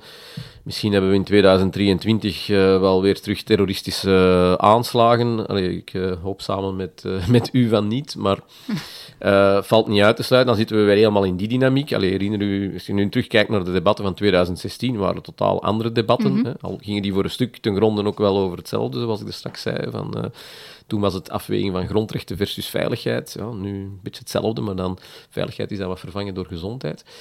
Um, goed, uh, dus, dus, dus, dus allee, het is eigenlijk on, onvoorspelbaar. En, en allee, stel dat er, ja, dat er op, op, die andere terreinen weer terug meer gebeurt, dan, dan gaat dat misschien ook wel weer terug, uh, mm -hmm. terug de zaak beïnvloeden. Dus, dus ik, ik, allee, ik vind het heel moeilijk om ja, te zeggen nu. Uh, trouwens, je ziet, allee, voor zover dat we onze peilingen dan mogen geloven ja, tonen die niet een gigantisch grote uh, evolutie sinds de vorige verkiezingen. Wel een verdere stijging van, uh, van Vlaams Belang, maar die was er eigenlijk ook al voor de pandemie. Bovendien, peilingen moet je sowieso altijd mee oppassen. Ik zeg altijd, ja, peilingen moeten zogezegd de politieke realiteit reflecteren maar veel eer creëren ze eigenlijk politieke realiteiten. Uh, ten eerste zijn die peilingen vaak methodologisch slecht uitgevoerd en dus om die reden al uh, mm -hmm. sterk te nuanceren. Maar ook de analyse daarvan is vaak heel problematisch. Hè. Uh, er zijn dan, uh, ja, een partij gaat 2% achteruit, uh, valt volledig binnen de foutenmarge, maar dan krijg je wekenlang uh, artikels over de totale neergang van, van de christendemocratie, als het dan over CD&V gaat bijvoorbeeld, of van het socialisme. En als, als ze 2% vooruit gaan bij de volgende peiling, wat dan al, al evenzeer niks te betekenen heeft wetenschappelijk, dan krijg je grote analyses over ja, waarom Conde Rousseau de toekomst is van het Vlaamse socialisme, of ja. waarom dat de christendemocratie plots weer hip is. Eigenlijk allemaal bullshit. Begrijp ik, maar rechts ja, capteert wel een beetje die uh, kritiek hè, op de coronamaatregelen.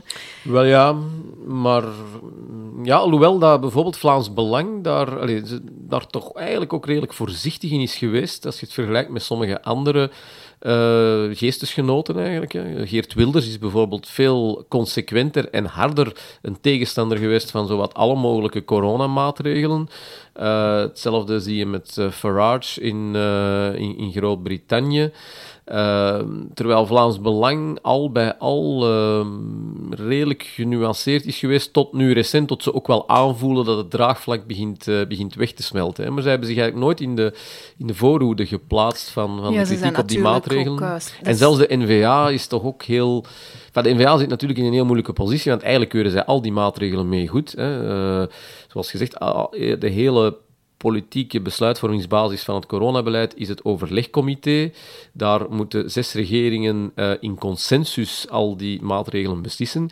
Een van die regeringen is de regering van Jan Jan Bon, die daar persoonlijk zelf ook zit en ja, die alles wel mee goedkeurt. Hè. Uh, ja, en daarna komen er dan andere NVA's zeggen dat het allemaal niet goed is.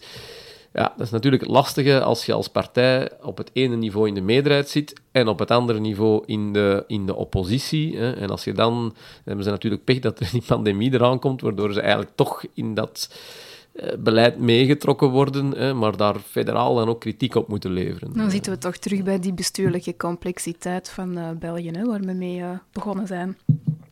Ja, voor, voor een stuk wel natuurlijk. Uh, op zich, in een federaal land is het absoluut niet uh, abnormaal dat uh, ja, op het ene niveau een partij meebestuurt en op het andere niveau niet. Hè. Eh, als we dat normaal vinden, ja, dan kunnen we het federalisme beter afschaffen. Als we vinden dat er overal dezelfde partijen moeten in alle regeringen zitten, ja, dan kun je beter terug één regering maken. Dat lijkt mij dan simpeler. Maar het is waar dat in België uh, het wel zeer moeilijk is om, uh, om als partij niet overal tegelijk aanwezig te zijn. Hè. Voor uw profiel als, als partij is dat heel moeilijk. Komt ook voor een stuk door het feit dat wij geen federale partijen hebben. Hè. We hebben alleen maar Vlaamse en Franstalige partijen. Ja, daardoor lijkt elke verkiezing ook dezelfde verkiezing te zijn. Hè. Als wij Vlaamse verkiezingen hebben, dan kunnen wij op bepaalde partijen stemmen. Die gaan ook bepaalde populaire figuren op de lijst zetten. Oké. Daarna hebben we federale verkiezingen, misschien op een ander moment. Dat is een aantal keer ontkoppeld geweest in het verleden. Die zie je gewoon weer dezelfde partijen, met ook weer dezelfde figuren. Uh, die we nogthans al hadden verkozen voor het uh, Vlaams parlement twee jaar eerder. Maar goed, dus, dus die, die verkiezingen zijn altijd hetzelfde. Hè. Uh, terwijl bijvoorbeeld in Canada, ook een federaal land, uh, daar is de partijstructuur eigenlijk georganiseerd op basis van, van het niveau. Je hebt daar bijvoorbeeld een, een nationale Canadese liberale partij. Hè. Uh, maar je hebt daar ook in de verschillende provincies uh, aparte partijen. Hè? Dat is echt zo georganiseerd. Dus de Liberale Partij van Quebec is eigenlijk een andere partij met andere boegbeelden, andere kandidaten dan uh, de Liberale Partij in Canada. Dus als er in Quebec regionale verkiezingen zijn, voor het parlement in Quebec, dan krijg je heel andere partijen en andere kandidaten voorgeschoteld dan wanneer er mm -hmm. iets later federale, nationale verkiezingen zijn, wanneer je bijvoorbeeld op Trudeau uh, kan, kan stemmen. We hadden het al even over de toekomst. Hè. Wat, zal, uh, wat zal het volgende jaar brengen? Um, veel zal afhangen van hoe dat virus evolueert. Het zal evolueren. De, de hamvraag is wanneer. En dat weten we niet. Mm. Maar in dat licht um, kunnen veel mensen het moeilijk plaatsen dat, er, dat die IC-capaciteit uh, uh, niet wordt, uh, daar niet in wordt geïnvesteerd. Er zijn enorme, ik denk dat we aan de miljarden zitten, investeringen in compensatie, in relance. Um, maar ja, het is allemaal alles gebeurt eigenlijk om de zorg te ontlasten. Is het niet de evidentie zelf dat we dan die zorg opschalen? Op zich wel, en dat zou eigenlijk een mooi strijdpunt zijn voor, uh, voor linkse partijen, inderdaad. Hè, om misschien meer daarop te focussen dan op uh, het invoeren van heel strenge maatregelen. Het is natuurlijk wel zo ja, dat dat een eerder lange termijn project is, natuurlijk, om die capaciteit op te schalen. Dat is ook niet iets dat je zomaar uh, van dag 1 op dag 2 Ik doet. moet even denken aan China vorig jaar, januari. Die hadden zo enorme tenten, ja. hospitalen gebouwd.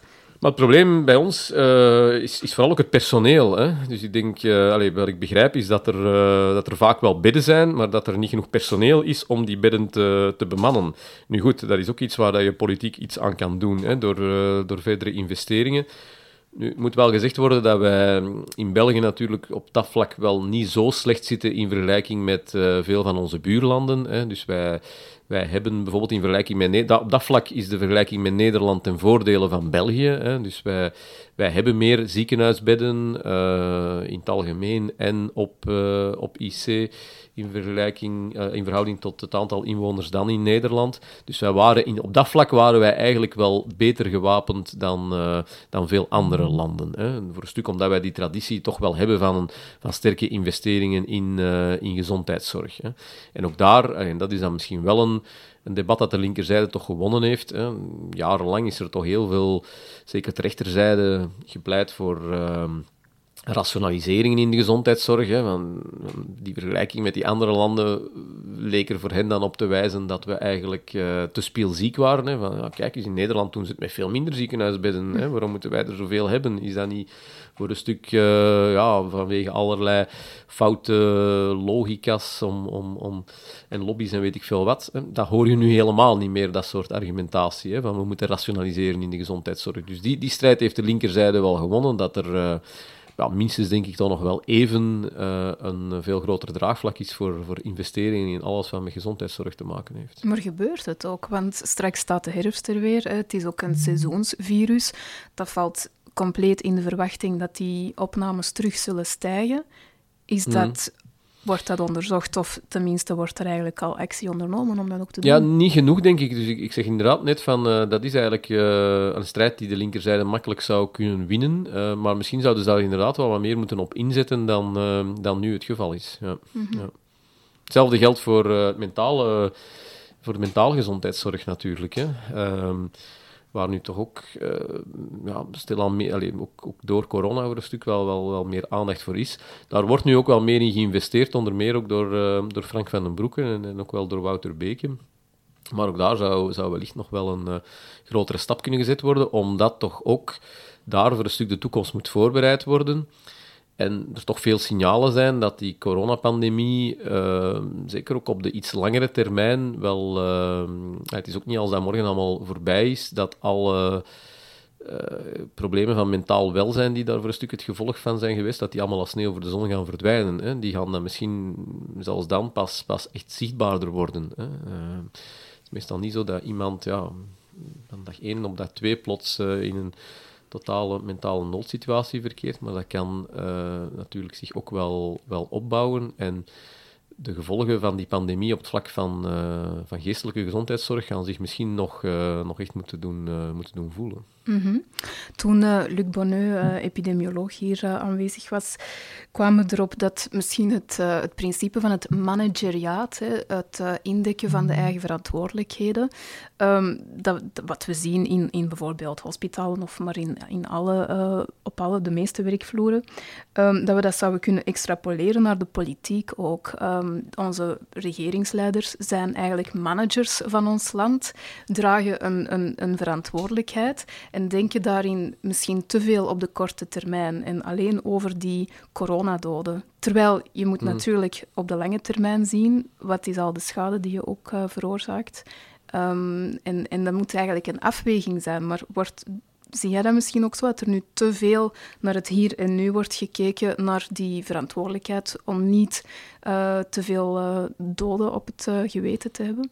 Ja, naar mijn aanvoelen wordt die pandemie inderdaad te veel vanuit één, wellicht de belangrijkste, maar niet te min toch nog altijd maar één invalshoek bekeken. Hè, en dat is inderdaad de virologische, epidemiologische invalshoek. Hè. En dat merk je ook in de media. Hè. Er was onlangs een uh, studie van collega's van mij van de Universiteit Antwerpen, hè, die ook aantoonde dat, ja, met name Mark van Randstad, want daar rond heeft het debat zich dan wat gekristalliseerd, maar, maar in het algemeen, ja, dat plots het journaal eigenlijk een dagelijks virologisch bulletin was geworden. Hè, en dat bijna alleen maar virologen nog als experten werden, werden gevraagd. Ja, en dat lijkt mij inderdaad wel problematisch. Allee, ik heb nooit meegedaan aan het uh, virologen bashen, hè, want dat vind ik ten eerste uh, veel te gemakkelijk. Ten tweede ook oneerlijk. Uh, ik denk inderdaad dat wanneer we met een pandemie zitten, dat, dan, uh, dat we dan in eerste plaats ook naar virologen en epidemiologen moeten luisteren. Die mensen hebben ook uh, heel veel inspanningen uh, gedaan het laatste jaar om uh, allerlei regeringen te adviseren en ook om de publieke opinie te informeren over alle mogelijke facetten van dat virus. Dus ik ehm, ben zeker niet iemand die, ehm, die virologen gaat aanvallen, in tegendeel.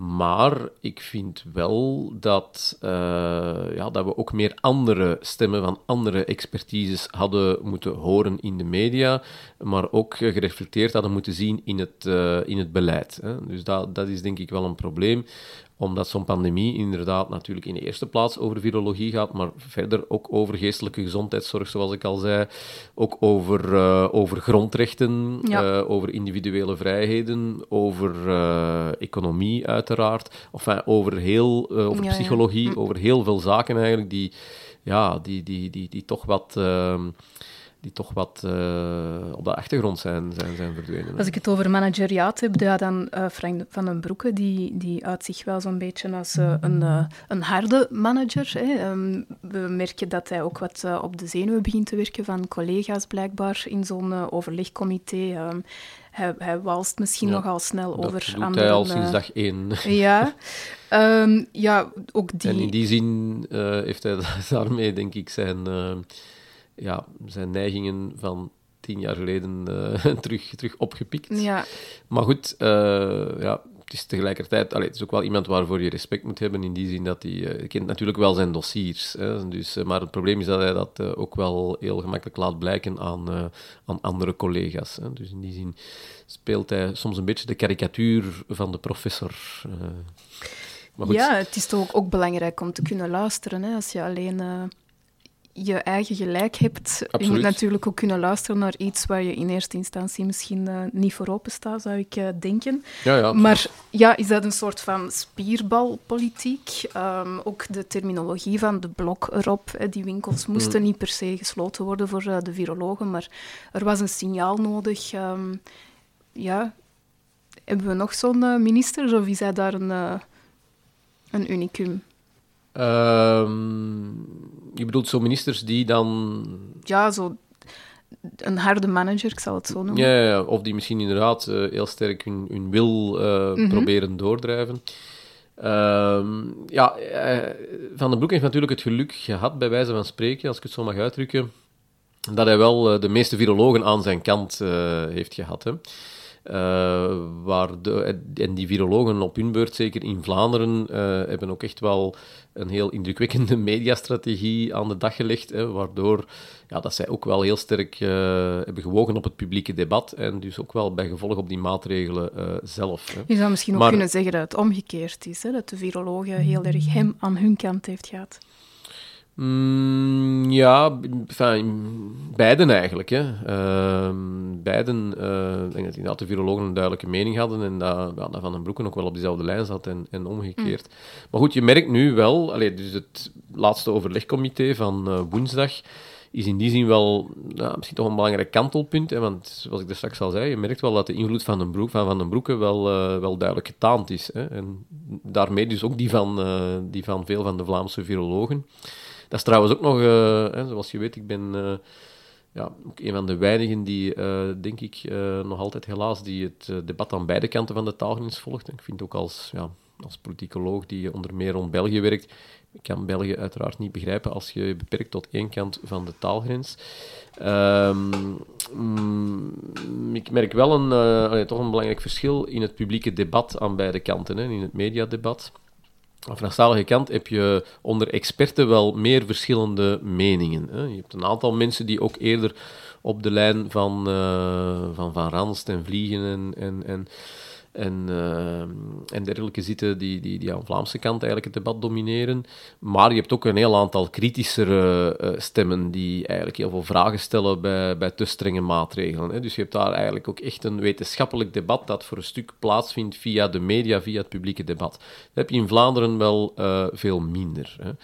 Uh, we hebben dat even gehad, hè, maar uh, ja, laten we zeggen dat de virologen van de harde lijn uh, aan Vlaamse kant toch echt wel het, uh, het debat blijven, blijven domineren. Wie springt eruit in, die, die wel een ander klokje doet luiden? Bijvoorbeeld Boucher van de MR. Is dat uh, geloofwaardig? Want die zit dan ook in een regeringspartij. Ja, dus uh, ja, Boucher heeft in mijn ogen ook een beetje een geloofwaardigheidsprobleem. Ik vond het uh, ja, opmerkelijk na dus het, ja, het vorige overlegcomité was het dan zeker, hè, dat dan de paaspauze en zo aankondigde net voor de, voor de paasvakantie. Ja, net toen de persconferentie van het overlegcomité bezig was, dan tweette Georges-Louis Boucher, dit is een drievoudige mislukking. En dan dacht ik meteen van, drievoudige mislukking, gaat dat dan over uh, de drie vertegenwoordigers van uw partij die in dat overlegcomité mee die beslissingen hebben genomen? Of bedoelt u met die drievoudige mislukking uh, de drie regeringen waarin u zit en die ook alle drie uh, in, die, in dat overlegcomité vertegenwoordigd waren? Dus, dus, dat is inderdaad wel, wel een, beetje, een beetje dubbelzinnig. Hè? Maar in die zin speelt Boucher een beetje hetzelfde spel, wat zou je kunnen zeggen, als, uh, als NVA. Hè. Dus uh, aan de ene kant beslissingen meenemen en aan de andere kant toch ook uh, ja, een graantje proberen meepikken van het protest daartegen. Hè. Allee, nu stel ik het misschien net iets te cynisch voor. Hè. Ik denk dat een heel aantal mensen binnen de MR en ook binnen de NVA wellicht ten gronde ook echt wel vragen hebben bij een aantal maatregelen.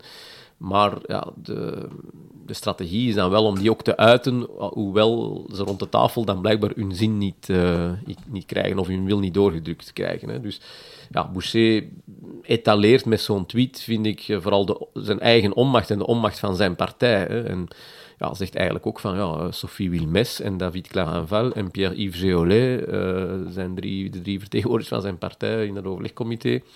Ja, dat is blijkbaar politiek doodgewicht, want uh, er komt een drievoudige mislukking uit. Allee, wat zeg je dan over je eigen ministers? Hè? Mm -hmm. Mm -hmm. Ja, de rol van de media, je hebt die eh, net al aangehaald. Uh, het was wel redelijk pijnlijk misschien dat we daarvoor moesten wachten op een studie van de Universiteit van Antwerpen om dat eens uh, onder het licht te brengen, dat, dat onevenwicht van, bepaald, van bepaalde stemmen. En daar werd zelfs vergeleken met de Russische of Chinese staatszenders. Ja, een sentiment dat veel kijkers, uh, en ook veel kijkers zijn gewoon afgehaakt uh, in het afgelopen jaar. Um, ja, tussendoor even vraag ik mij dan af, hoe zit dat eigenlijk voor u? Moet u al die uitzendingen bekijken? uh, gelukkig niet, nee. Oké. Nee, nee, zeg, nee, alsjeblieft. Um, ja, Rusland en China, dat was nu wel een redelijk gechargeerde vergelijking mm -hmm. van mijn goede collega Stefan Walgraven. Uh, dat lijkt mij net iets overdreven, maar ik vind inderdaad wel dat, uh, ja, dat media zich misschien toch ook wel, allez, zoals velen, uh, in, in, vraag moeten stellen over hoe ze zijn omgaan met die pandemie. Allee, ik begrijp wel de, de moeilijke positie waarin bijvoorbeeld een openbare omroep zich bevindt. Aan de ene kant uh, ja, zien zij het blijkbaar toch ook, allee, dat is toch de indruk als ik hun berichtgeving volg, zien zij hun rol ook als die van voorlichter ook als die van, ja, van, van een medium dat eigenlijk ook mee het draagvlak voor die maatregelen groot genoeg moet houden. Hè. Is de definitie van media niet eerder de waakhond van de democratie? Wel ja, ik denk media moeten eigenlijk in mijn ogen toch vooral ook een forum zijn voor uh, publiek debat, waarbij alle mogelijke stemmen uh, aan bod kunnen komen. Uh, maar in die pandemie heeft men, denk ik, toch voor een stuk geoordeeld dat het uh, aan bod laten komen van stemmen die kritisch zijn tegenover de genomen maatregelen, dat dat het draagvlak voor die maatregelen en daarmee ook uh, de volksgezondheid in gevaar zou kunnen brengen. En ja, bij die keuze kun je toch wel wat vragen stellen, denk ik. Um, pas op, die, dat, dat, forum zijn voor publiek debat mag ook niet totaal ja, neutraal zijn, laten we zeggen. Of, of, of niet, moet ook niet inhouden dat je elke mogelijke mening gaat aan bod laten komen. Allee, ik denk uh, uh, antivaxers en, en, en allee, een aantal uh, stemmen die, ja, die duidelijk uh, fake news verkondigen of, of um, feiten die, die niet wetenschappelijk onderbouwd zijn, die kan je denk ik als openbare omroep best, best weren. Dus er zijn wel grenzen aan de, de er, zijn, er zijn marges uh, aan, aan dat publieke debat. Maar ja, die zijn wel heel sterk vernauwd, heb ik de indruk. Hè. Uh, men heeft die wel heel nauw gehouden, terwijl men die ook nog wel wat meer had kunnen opentrekken voordat men echt in totaal waanzinnige toestanden terecht mhm. kan aan, aan forum te geven aan, aan, aan, aan mensen die, die, effectief, uh, ja, die effectief gewoon flauwekul en, en leugens en, en fake news. Deze week was er dan een uh, debat tussen Mark van Ranst en Jean-Marie de Dekker. In feite het eerste debat waarbij er iemand met een andere mening over Mark van Ranst uh, heeft gezeteld. Dat is toch wel... dat heeft heel lang geduurd. En het is dan nog Jean-Marie de Dekker. Um, ik vond het wel, uh, wel heel opvallend. Maar ja, jij komt zelf vaak in de media. Um, kan jij er nog verder de vinger op leggen hoe dat, dat juist komt, die, die eenzijdigheid? Wel, ik weet bijvoorbeeld dat uh, Mark van Ranst ook effectief wel populair is. Dus ik hoor ook onder meer bij media dat ze zeggen van kijk, als we hem in de uitzending hebben, dan liggen de kijkcijfers meestal hoger. Wat mij ook niet echt verbaast, want allee, Mark van Rans is ook echt wel een goede didacticus. Hè. Uh, kan eigenlijk voor een heel breed publiek een complexe materie uh, heel simpel uitleggen. Hè. Misschien iets te simpel zou je kunnen zeggen. Ik ben, ja, ik ben zelf academicus, in die zin ben ik bijvoorbeeld iets meer fan, als ik dat zo mag uitdrukken, van iemand als Herman Goossens, die op een academischere manier communiceert. Stel dat je bijvoorbeeld aan Herman Goossens zou vragen, dus van de Universiteit Antwerpen, van kijk, ja, uh, is het nu, zijn de scholen nu echt een belang, de belangrijkste uh, veroorzaker van, van besmettingen?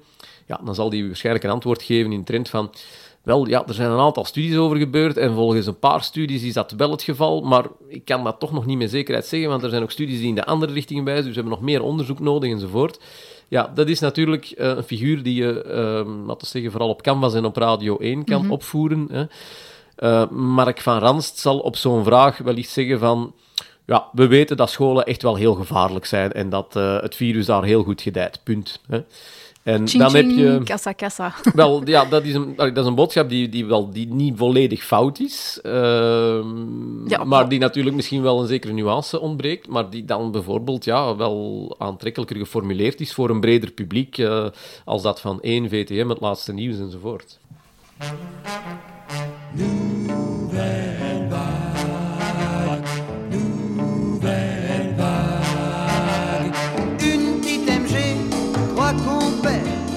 Assis dans la bagnole sous un réverbère. Une jambe ou deux par-dessus la portière. La nouvelle vague. Nouvelle vague. Trois mignonnes approchent fort bien balancées. Elles chantent une chanson d'Elvis Presley. Voilà nos trois pépères, soudain tout éveillés par cette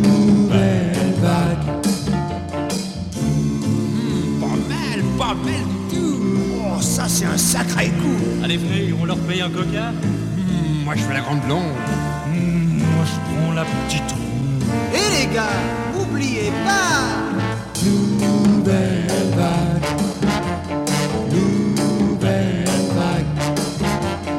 Faut pas grand chose pour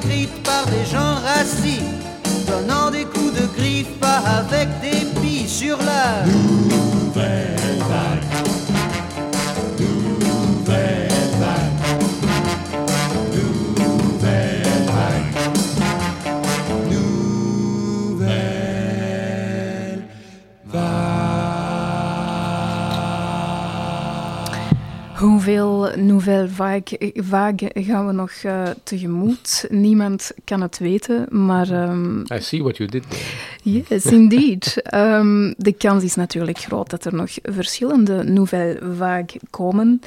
Ehm, ja, Yves Copieters is bijvoorbeeld zo'n stem hè, in, in, in Waals, eh, in Franstalig België. Een, eh, een epidemioloog die toch ietsje eh, genuanceerder ziet en zich vooral zorgen maakt over de herfst die eraan komt. Ja, we hebben eerst nog de zomer en laat ons Mm. alsjeblieft ons een beetje kunnen amuseren. Maar dan wordt het weer slechter weer.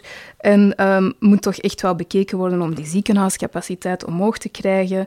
Ehm, parallel werken aan betere behandeling van COVID-patiënten. En ook die ehm, vaccinaties eh, bekijken. Want mogelijk moeten we zelfs drie of vier keer een prik krijgen. Ehm, gaan die vaccins daar in grote getallen aanwezig zijn in de herfst? Ehm, op een of andere manier, ik ben meestal niet pessimistisch ingesteld, maar ik voel het aankomen dat we daar niet op voorbereid gaan zijn. En met andere woorden kunnen we ons terug verwachten aan meer van hetzelfde. Of zie jij misschien tekenen aan de wand dat het anders zou lopen? Ja, opnieuw, we weten natuurlijk niet goed hoe, eh, hoe het nu verder gaat evolueren, puur virologisch gezien. Hè. Ik stel vast dat, dat eh, er toch verschillende meningen over zijn en dat velen het gewoon niet weten. Dat is ook logisch natuurlijk.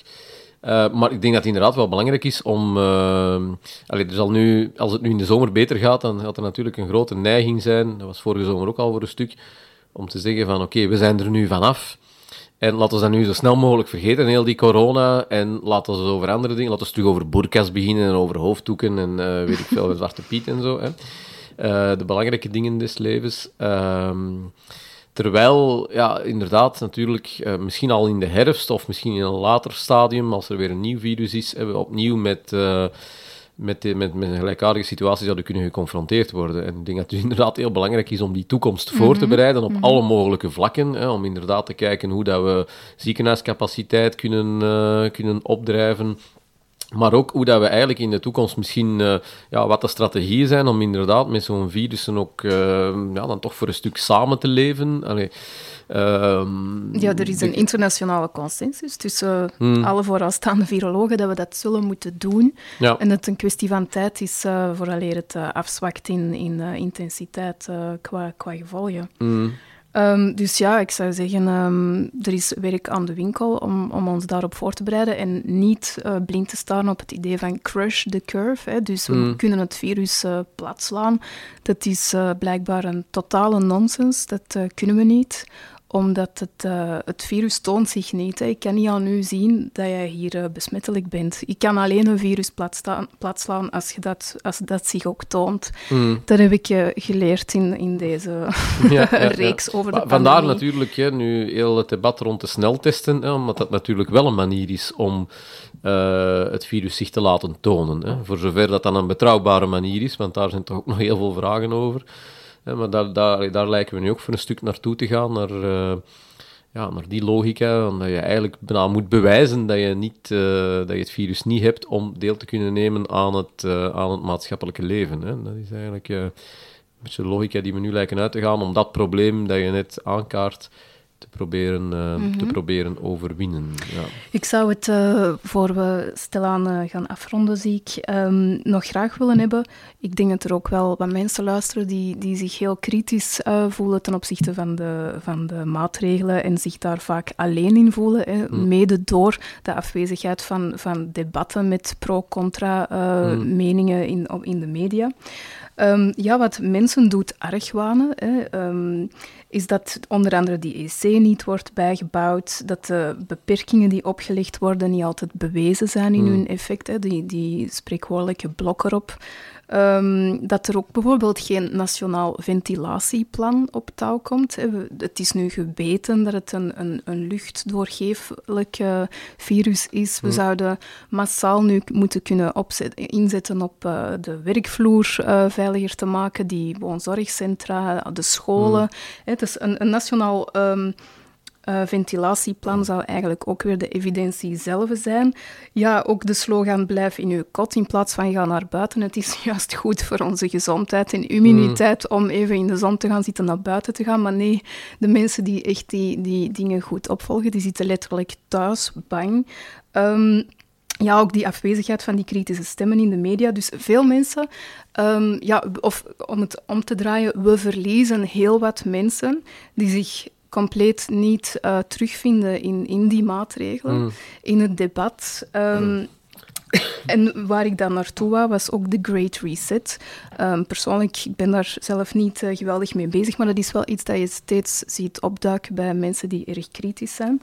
Dat is een uh, voorstel dat in juni vorig jaar werd uh, geformuleerd door Prince Charles, of all people, en dan de World Economic Forum directeur Klaus Schwab. En dat is een... Um, de, de, de pandemie zou een kans zijn om de wereldeconomie een nieuwe vorm te geven, om zo snel uh, economisch herstel mogelijk te maken. Um, innovaties, wetenschap en technologie moeten worden aangepast om duurzame ideeën winstgevend te maken. Dat klinkt op zich wel uh, van oké, ja. Uh, maar men wil daar mondiaal een nieuwe economische en politieke orde inrichten om welvaart en inkomen te verdelen, wat moet zorgen voor minder sociale ongelijkheid. Dus ook weer daar, het klinkt wel, wel, wel oké. Okay. Dit is ook gewoon te lezen op hun, uh, mm-hmm. hun, hun, eigen uh, platform. Dus dat is het, het World Economic Forum. Um, met Bert de Munk, vorige aflevering, hadden we het al over een soort van um, argwaan die leeft bij mensen ten opzichte van die grote, um, beetje anonieme instellingen, hè, zoals het Hmm. World Health Organization, zelfs zoals Europa een beetje. Nu zitten we hier met een World Economic Forum die zo een plan hebben. Dat is ook weer totaal ontransparant en mist ook democratische uh, reflexen, denk ik, Die dus anticipeert op een vierde industriële revolutie waarbij digitale economie en openbare infrastructuur wordt gestart. Ja, dat is natuurlijk iets dat bijdraagt aan uh, mensen die zich compleet verloren voelen in het, in het, uh, in het uh, dominante narratief, discours dat gevoerd wordt. Mm -hmm. hoe, heb jij daar iets over te zeggen? ja, enfin, eigenlijk wel weer veel aanknopingspunten. Um, een, een, een, op zich een, een, rijke inleiding op dat vlak. Um, het, ik denk inderdaad, allee, ik heb het gevoel dat meer en meer, uh, enfin, ik heb niet alleen dat gevoel, dat blijkt ook wel uit, uit cijfers en ook uit actualiteiten, dat inderdaad sowieso het, het, het, draagvlak, zoals het dan genoemd wordt, dat dat eigenlijk toch wel wat aan het wegsmelten is. Wat dat betreft heb ik toch ook altijd een... Men, men baseert zich dan heel veel, of men heeft zich in het verleden heel veel gebaseerd op die cijfers van die motivatiebarometer.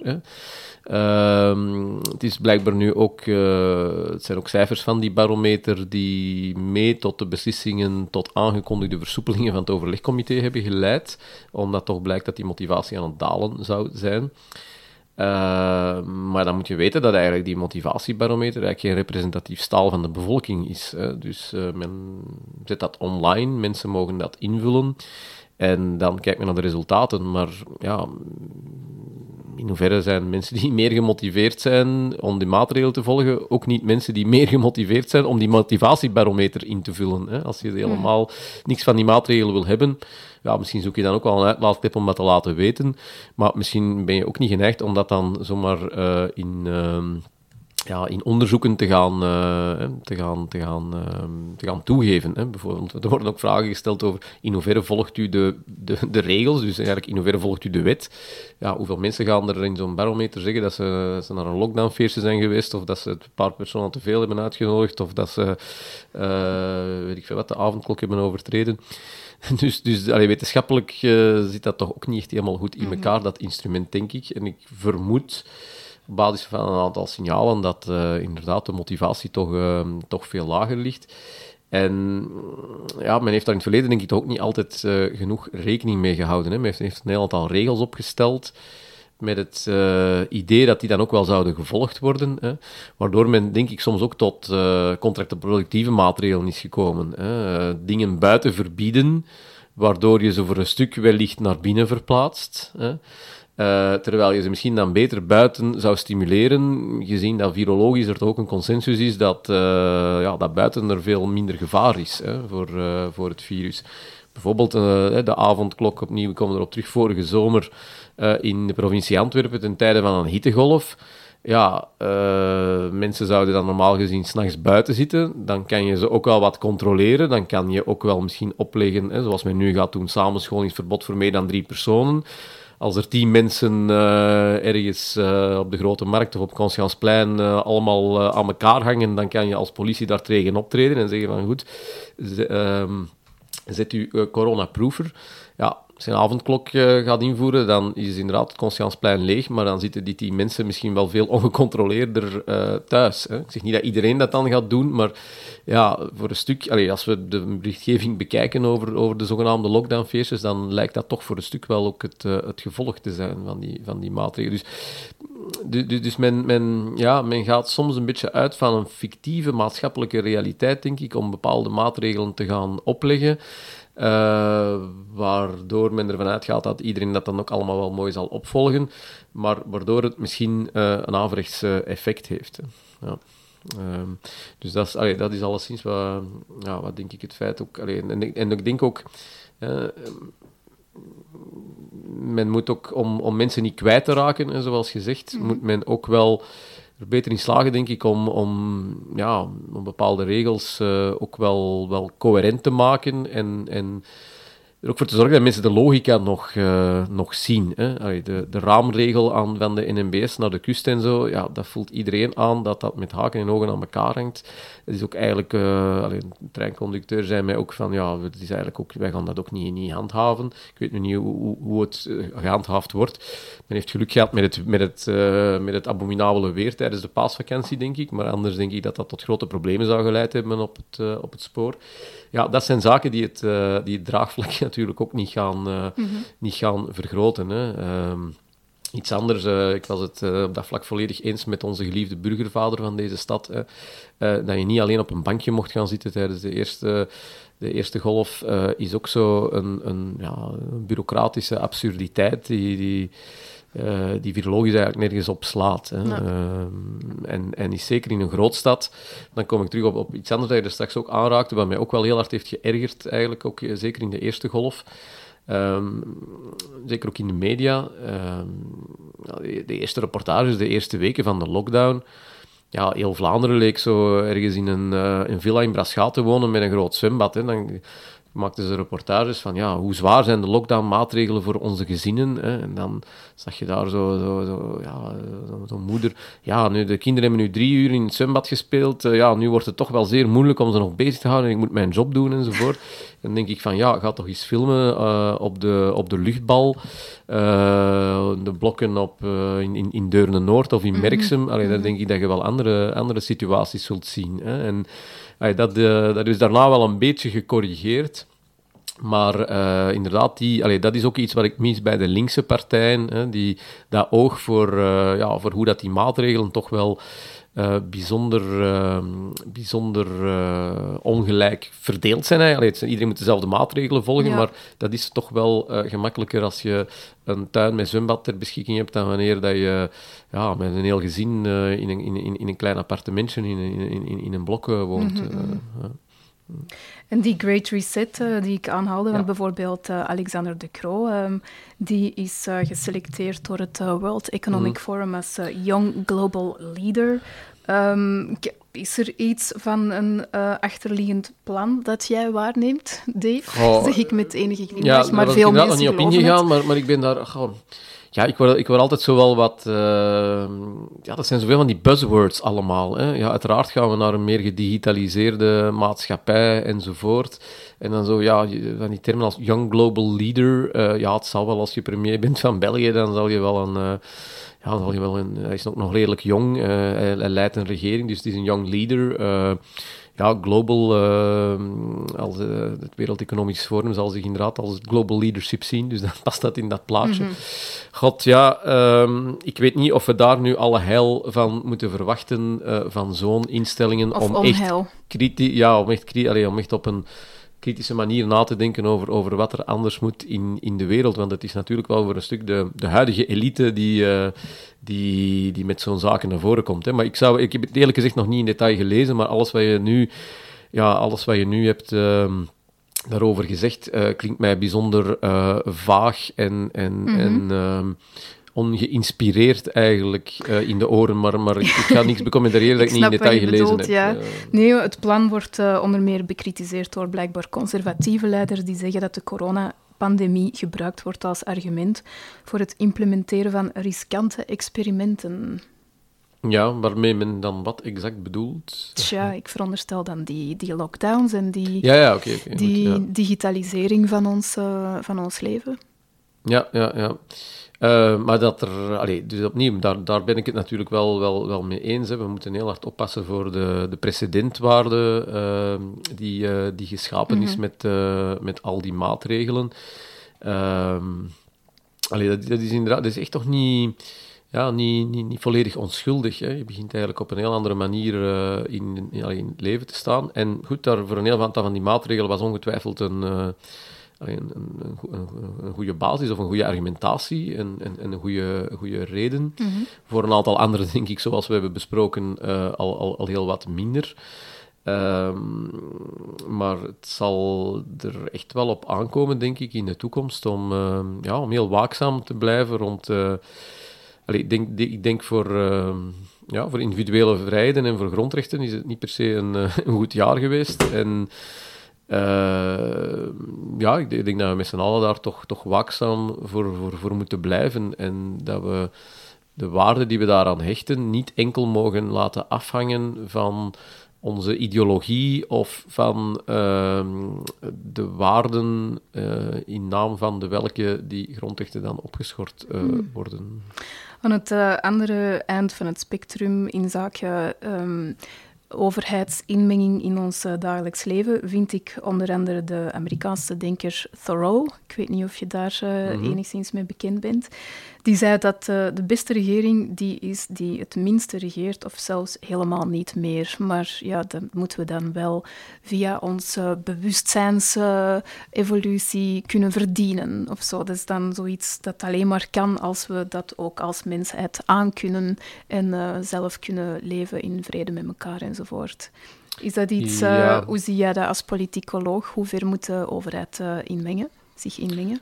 Goh, dat is, uh, dat is een debat waar we eigenlijk op zich twee uur over zouden kunnen doorbomen. Uh, hangt natuurlijk ook heel hard af van dossier tot dossier en van materie tot materie. Is op zich ook natuurlijk de inzet van politieke strijd. Hè? Hoe, hoe ver mag de, mag de overheid ingrijpen, bijvoorbeeld in het economische leven? Ja, dat is eigenlijk de meest, een van de meest cruciale politieke vragen van... Uh, van de laatste twee eeuwen. Hè. Dat is eigenlijk de essentie van de links-rechts tegenstelling op, uh, op, op, economisch gebied. Hè. Moet je een overheid hebben die uh, heel sterk uh, de economie reguleert en die alle mogelijke ongelijkheden die het gevolg zijn van de vrije markt wegvaagt? Of moet je eigenlijk die vrije markt zoveel mogelijk zijn gang laten gaan en over, moet de overheid zich zoveel mogelijk terugtrekken? Dat is eigenlijk ja, een, een essentiële, de essentiële vraag. Um, Verklaart dat voor een stuk waarom dat er een, toch een klein verschil is tussen links en rechts in deze pandemie? Dat rechts eerder van mening is dat de overheid veel minder moet ingrijpen? Ja, dus op dat vlak, maar, maar tegelijkertijd, zoals ik er straks ook al zei, als we dan naar andere debatten kijken, hè, als we dan naar uh, veiligheidsdebatten kijken, ja, dan uh, zit het sterke overheidsingrijpen plots aan rechtse kant. Hè. Uh, law and order partijen die vinden dat, er, uh, dat de overheid strenge veiligheidsmaatregelen moet kunnen opleggen, die eventueel ook grondrechten inperken. Ja, dat is toch eerder een, een rechtsgezind idee. Dat vind je toch eerder bij, bij rechtse partijen. Hè. Vandaar mijn opmerking daar straks. Ehm, eh, de, ja, een aantal van de maatregelen die nu zijn opgelegd, eh, zouden door linkse partijen uh, volledig verketterd worden als dat voor uh, law and order doel zou zijn. En omgekeerd, de rechtse partijen die nu de corona-maatregelen in vraag stellen, die dan in naam van de solidariteit of van de volksgezondheid gebeuren, ja, die zouden die maatregelen, of die hebben die maatregelen vaak ook al wel toegejuicht, of soortgelijke maatregelen, als het aankwam op het, uh, op het uh, law and order verhaal. Dus daar... En Opnieuw, dat vind ik dus het verontrustende, dat er eigenlijk dan weinig politieke krachten zijn, blijkbaar, die zeggen van, oké, maar die grondrechten zijn wel een waarde op zich, hè, en die moeten, we, die moeten we als waarde op zich ook, uh, ook voor een stuk beschermen. Hè. Die kunnen misschien ingeperkt worden als er bepaalde bedreigingen zijn, maar we moeten daar toch ook altijd naar blijven kijken. En dat heb ik eigenlijk een beetje als mijn rol ook wel gezien in het publieke debat rond die pandemie, om daar los van die links-rechts tegenstelling, eigenlijk daar toch ook wel op te blijven wijzen. hè? Mhm. Op het belang van, van een aantal individuele vrijheden, van een aantal grondrechten. En uh, ja, op het belang van uh, toch, toch echt wel grondige afwegingen van proportionaliteit voordat je die gaat, uh, gaat aantasten. Vandaar ook mijn ja, toch bij momenten redelijk focale kritiek op uh, maatregelen als de, als de avondklok ja. en sommige andere maatregelen, omdat ik denk dat dat ook uh, allee, in het debat ook wel een, een, een bekommernis is op zich, waar, waar, ja, waar sommigen zich misschien toch eens mee moeten bezighouden. Een nieuwe partij, het radicale midden, zegt het u iets? Goh, dat, is ook, ja, dat klinkt toch ook weer iets meer als een marketing slogan, eerlijk gezegd. Uh, Maar, ik heb het boek van Rick Torfs uh, en Pieter Maréchal nog niet gelezen. Het dus is ik ga het eerder een term van uh, Abu Jaja die het, eh, de term eh, gebruikt. Ja, ja. Dus durven voorbij het, eh, het traditionele links-rechts denken Ja. te gaan en durven uitgesproken ja, traditionele links- of rechts thema's te nemen of in, eh, ehm, stellingen in te nemen en zo gewoon te mixen naar gelang eh, het moment. Wel, ik kan daar voor een, voor, voor een stuk zeker in volgen. Eh, die, Jaja heeft wel een interessant parcours en evolutie zelf dan Mhm. ook wel afgelegd, want het is nog niet zo heel lang geleden dat hij samen op een lijst opkwam met de PvdA, Ja. die denk ik toch eh, helemaal niet zo Ja. gelukkig is met het opgeven van de links-rechts tegenstelling. Inderdaad. Eh, hij is trouwens op een heel aantal andere vlakken ook, ook veel genuanceerder geworden. Ik ben er eigenlijk wel redelijk vaak, vaak mee eens, eigenlijk ook, ook deze dagen. Ehm, hij slaagt er ook wel in om een aantal inconsequenties eh, of hypocriete houdingen ter linkerzijde eh, te hekelen. En, en ook aan de kant van, allee, waar, in het kamp waar hij zichzelf dan, eh, dan vroeger bevond, eigenlijk, de, in de antiracistische beweging. Ehm, dus, dus op zich is dat, denk ik, uh, allee, ja, toont hij zich misschien nu meer als een soort onafhankelijk denker daar rond. Ehm, maar ja, zoals ik er straks al zei, ik denk inderdaad allee, rond uh, een aantal thema's effectief de mening van mensen genuanceerder is dan uh, het politieke debat doet vermoeden en dat ook het aanbod dat er is in termen van partijen met een mix van standpunten niet noodzakelijk beantwoordt aan de mix van standpunten die individuele mensen mm -hmm. kunnen hebben. Hè. Mm -hmm. um, nu, tegelijkertijd um, allez, moet je natuurlijk nog wel. Ik geloof ook niet, hè, er wordt ook vaak gepleit voor de technocratie, dat ligt ook een beetje in het verlengde van, van dit soort voorstellen.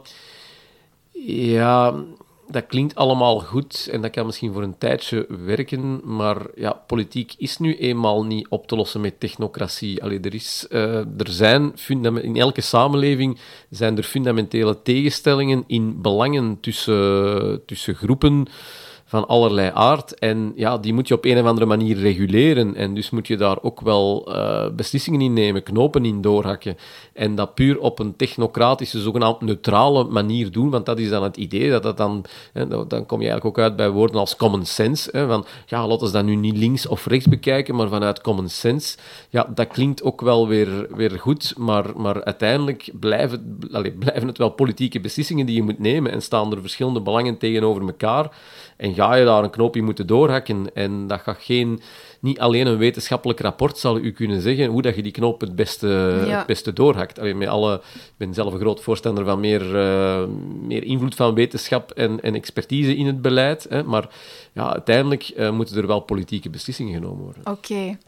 dat is begrepen. Hartelijk dank, uh, Dave Sinardé. Ik wens u een heel goede zomer toe. voor u hetzelfde. Hopelijk met muziek, zon, mensen. En niet achter een uh, computerscherm voor een Zoom-vergadering. Nee, maar liever uh, achter een draaitafel om, uh, okay.